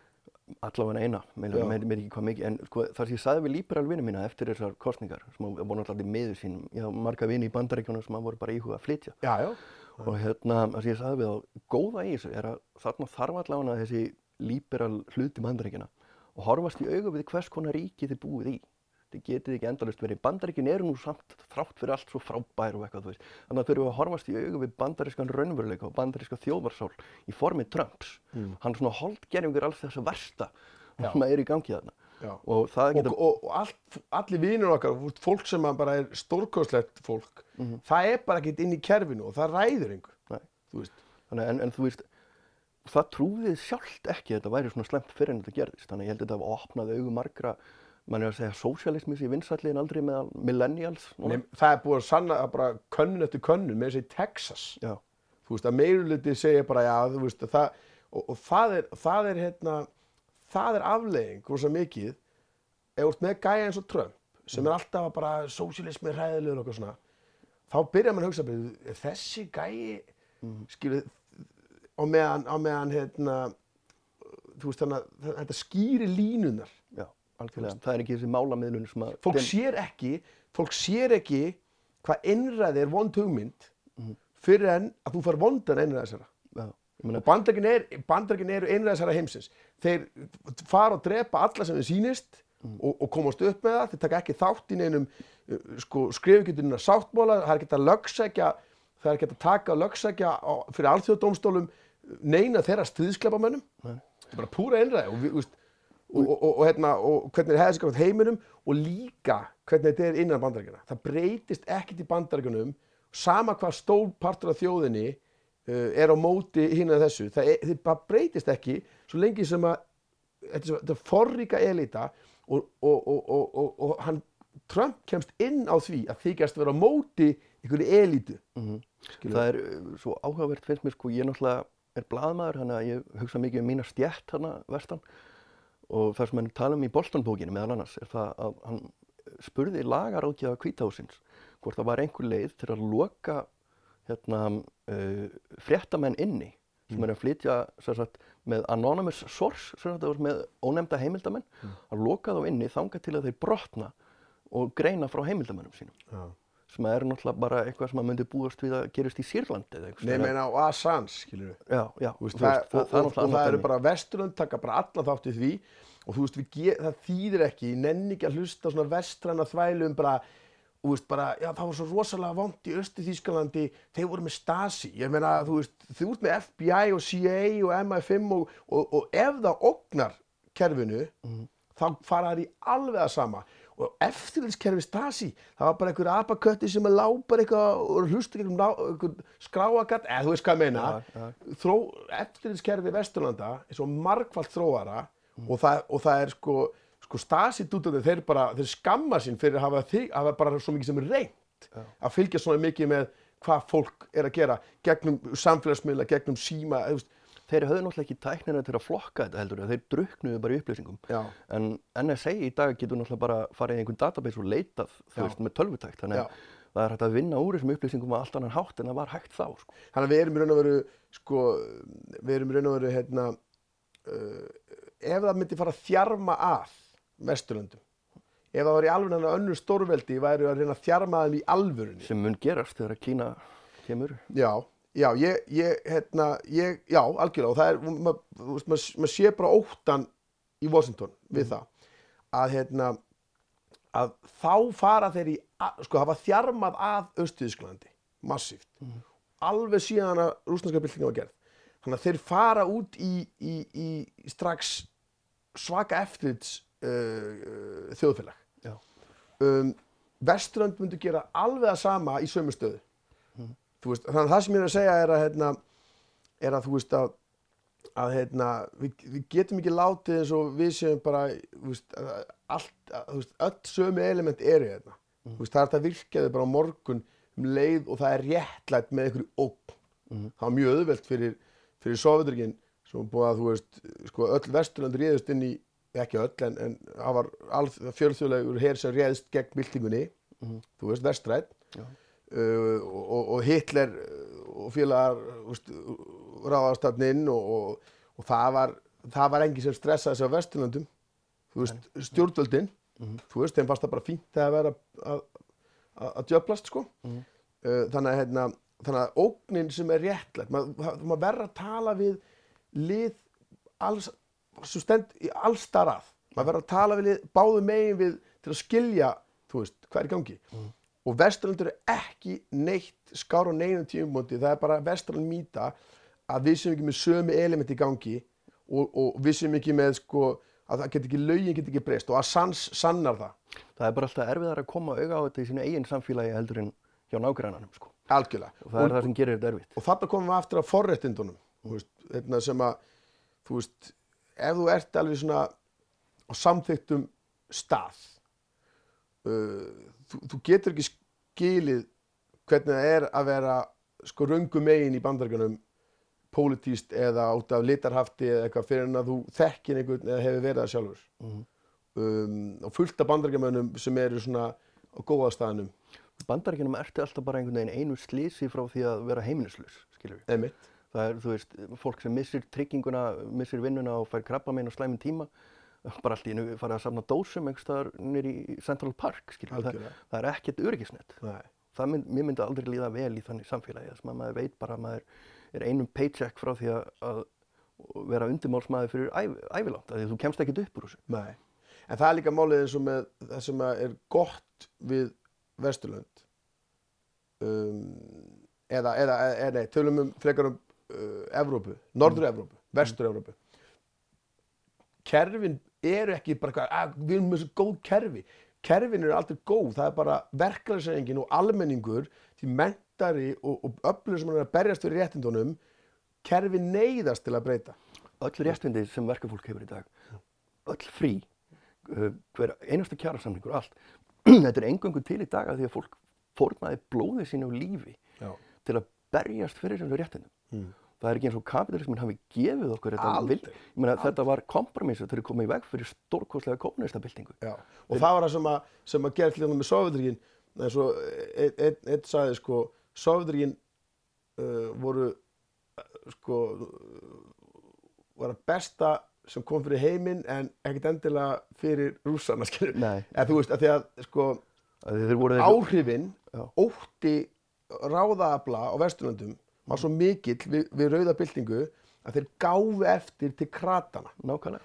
og, og, og mér finnst bara, þetta er bara svolítið svona eins og þegar að réttindaborta samkynna er að byrja hérna á Íslandi að, að, að fá sko virkilega byrjandi báða vengi uh, það þurfti eins og gamli Páll Óskar var þurfti einhvern snar bara snar öfuðan og spólgraðan bara gúmititlingar og veisla og bara þú veist, Dr. Love og, og allt bara til þess síðan að menn getur svona sæst á að svona Felix Bergson og félagar og, og það sem ég er að tala um er það þurftu að vera óslega öflug rótækir rauðliðar til að geta gefið eftir til kratana. Þannig að kratana getur sagt, hei, tjekkja á rauðliðunum þeir eru alveg brjálæðar, þeir verður bara að fara í fallegsina eftir byltingu. Og þá að ríka liðið bara anskotum að við verðum að gefa eftir til þess að krata skratta þetta Nákvæmlega. og, og, veist, og nú ég er svona, mér þetta bara að fyndi að að þetta sko, uh, með svona, sko, það var miklu, þú veist, það gerist engin bara þannig að mér sé einhver virkilega rótækur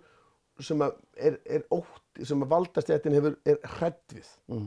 Og þú veist, ég seti samhengi við Palla því að þú veist, hann er bara alveg in your face, síðan eru bak við tjöldin svona, svona, svona, svona, svona hugulegri, svona kaffa kökuhómar sem eru svona, heyrðu, þú veist, þetta, þú veist, Borgaralegar í borgarlegir homar skilur þú veist, sem að kannski innan kerfisins breyta þessu en það voru, voru gæðarnir sem voru bara tíu saman hérna í fyrstu geipatgöngunni þú veist, bara upp úr 90 eða hvernig það var Þetta er það sem að gilfi ægir og þeir skilja ekki, þú veist, með af hverju þarf þetta að vera svona áberandi, þú meina, þú veist, af því að þetta var kúað í mörg, margar aldir. annars væru bara menn bara, þú veist, bara annars væri menn bara í skápa að djöflast Þetta er pendul, skilju, hann fer í eina átt og hann þarf aðeins að fá að fara í hinn áttina áður en að hann jafnast út í skilju. og kerfi verður líka að líti út eins og, eins og þeir hafa ekki gefið eftir til þess rótakasta. Þeir muna all, aldrei gera það. Þannig.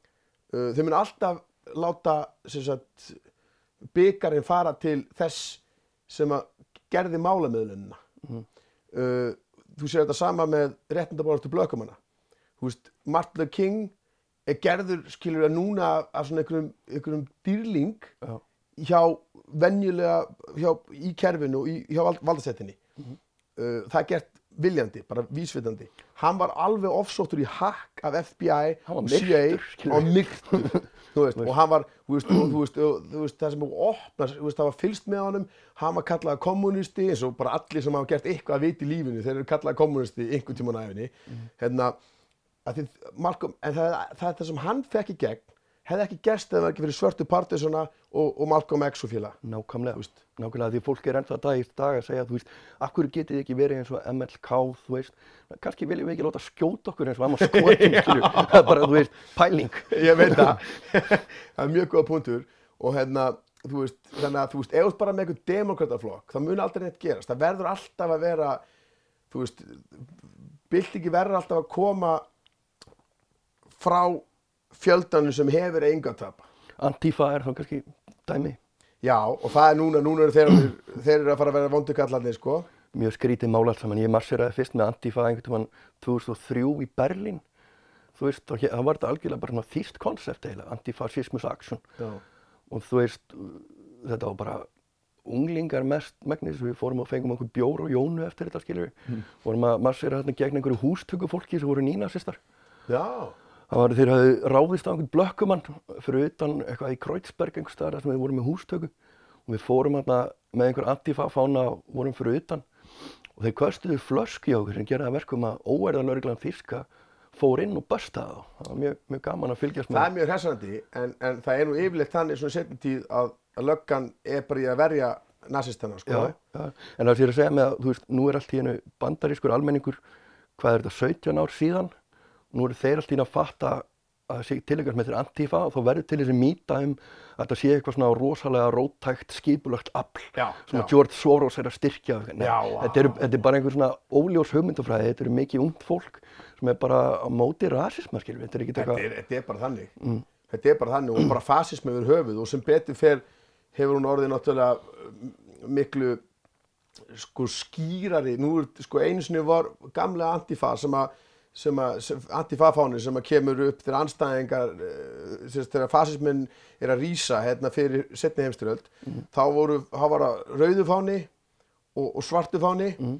og, og, og, og svona þú veist rauðufáni, svarti var mögulega skugginn af rauðafánunum var það ekki anarkistarnir sko það verður mjög snemma það Já. því að þú veist uh, og, og síðan hefur þetta logo breyst stanslust sumir eru með tvo svarta fánar anarkistarnir svo eru þeir sem eru sko rauðir anarkistar, þeir eru með annarkvæmt svarta fyrir framann og rauða fyrir aftan eða öfugt alltaf gaman að þessum klopningi á vinstri vagnum, Já, en Antifa getur ekki klopnað því að þeir eru allir, þú veist, bara gegn fasisma. Já. Eini klopningur kannski, það er mögulega svona sem að sér í Þýskalandi varandi Palestínu.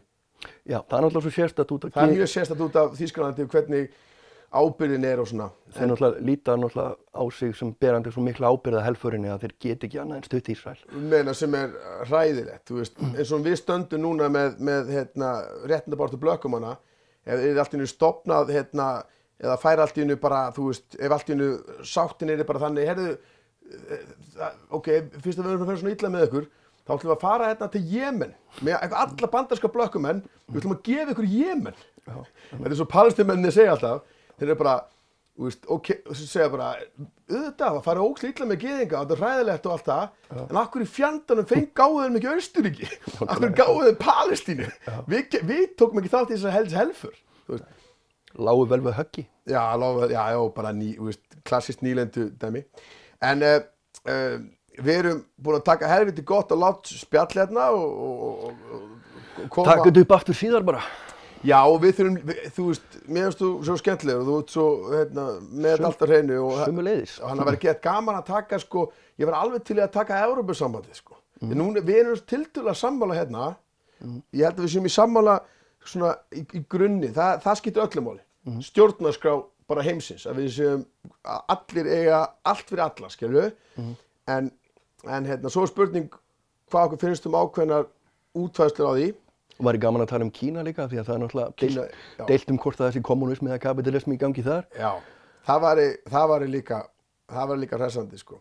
Hafandi báðir líka verið þar, það sérstaklega sjá, sjá svona frá vestrænum augum sko. Já, já ekki spurning, ekki spurning. Kína náttúrulega, það, það skiptir rosa miklu málu að ljósa margar mýtur varandi það og líka hvað Kína ætlar að gera. Þeir sett upp eins og þeir ætla að taka bara yfir heiminn uh, hérna og, og, og, kínverðar náttúrulega hérna, eru bara alls ekkert á því Það er margt sem við möttum að tala um, þú veist, Ísrael og Palestína og allt það. Já.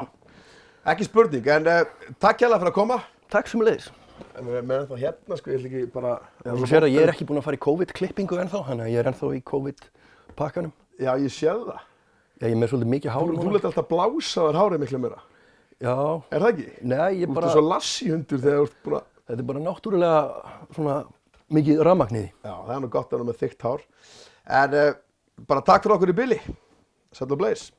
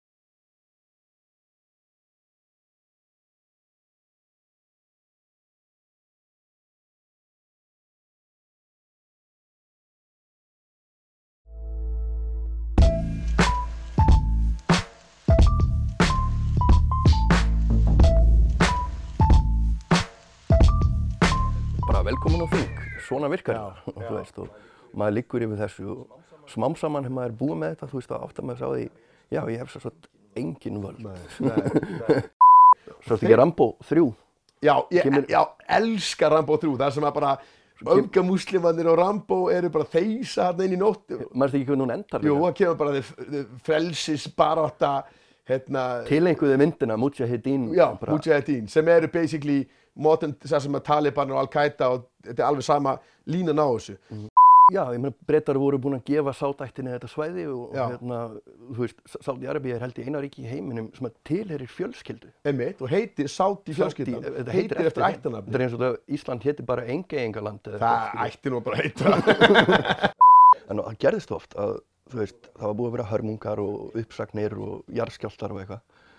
Klukkutíma fyrir fréttir kemur vakstverðin og segir, Gunnar, ertu ekki með einhvern hund á hjólabretti eða, þú veist, haltan hamstur eða eitthvað bara sem að þú getur létt tíma með og þá fer maður, þú veist, og reynir að finna eitthvað svona rugl. Líktu bara á álíktanirnar frá SÚS og berðu þær saman við flokksting sjálfstæðarflokks. Bara brandari, sko. bara brandi, menna, þú byrjar sem einhver gæi sem vil afnema laurugluna og löglega öll fíknefni Mm. og svo ertu bara orðin dómsmálar á þeirra nokkrum árum setna þess að þú ert að skera upp herur gegn hassi eða eitthvað Ég, skilur ég veit það, ég veit það. bara hvað gerðist Ég veit það.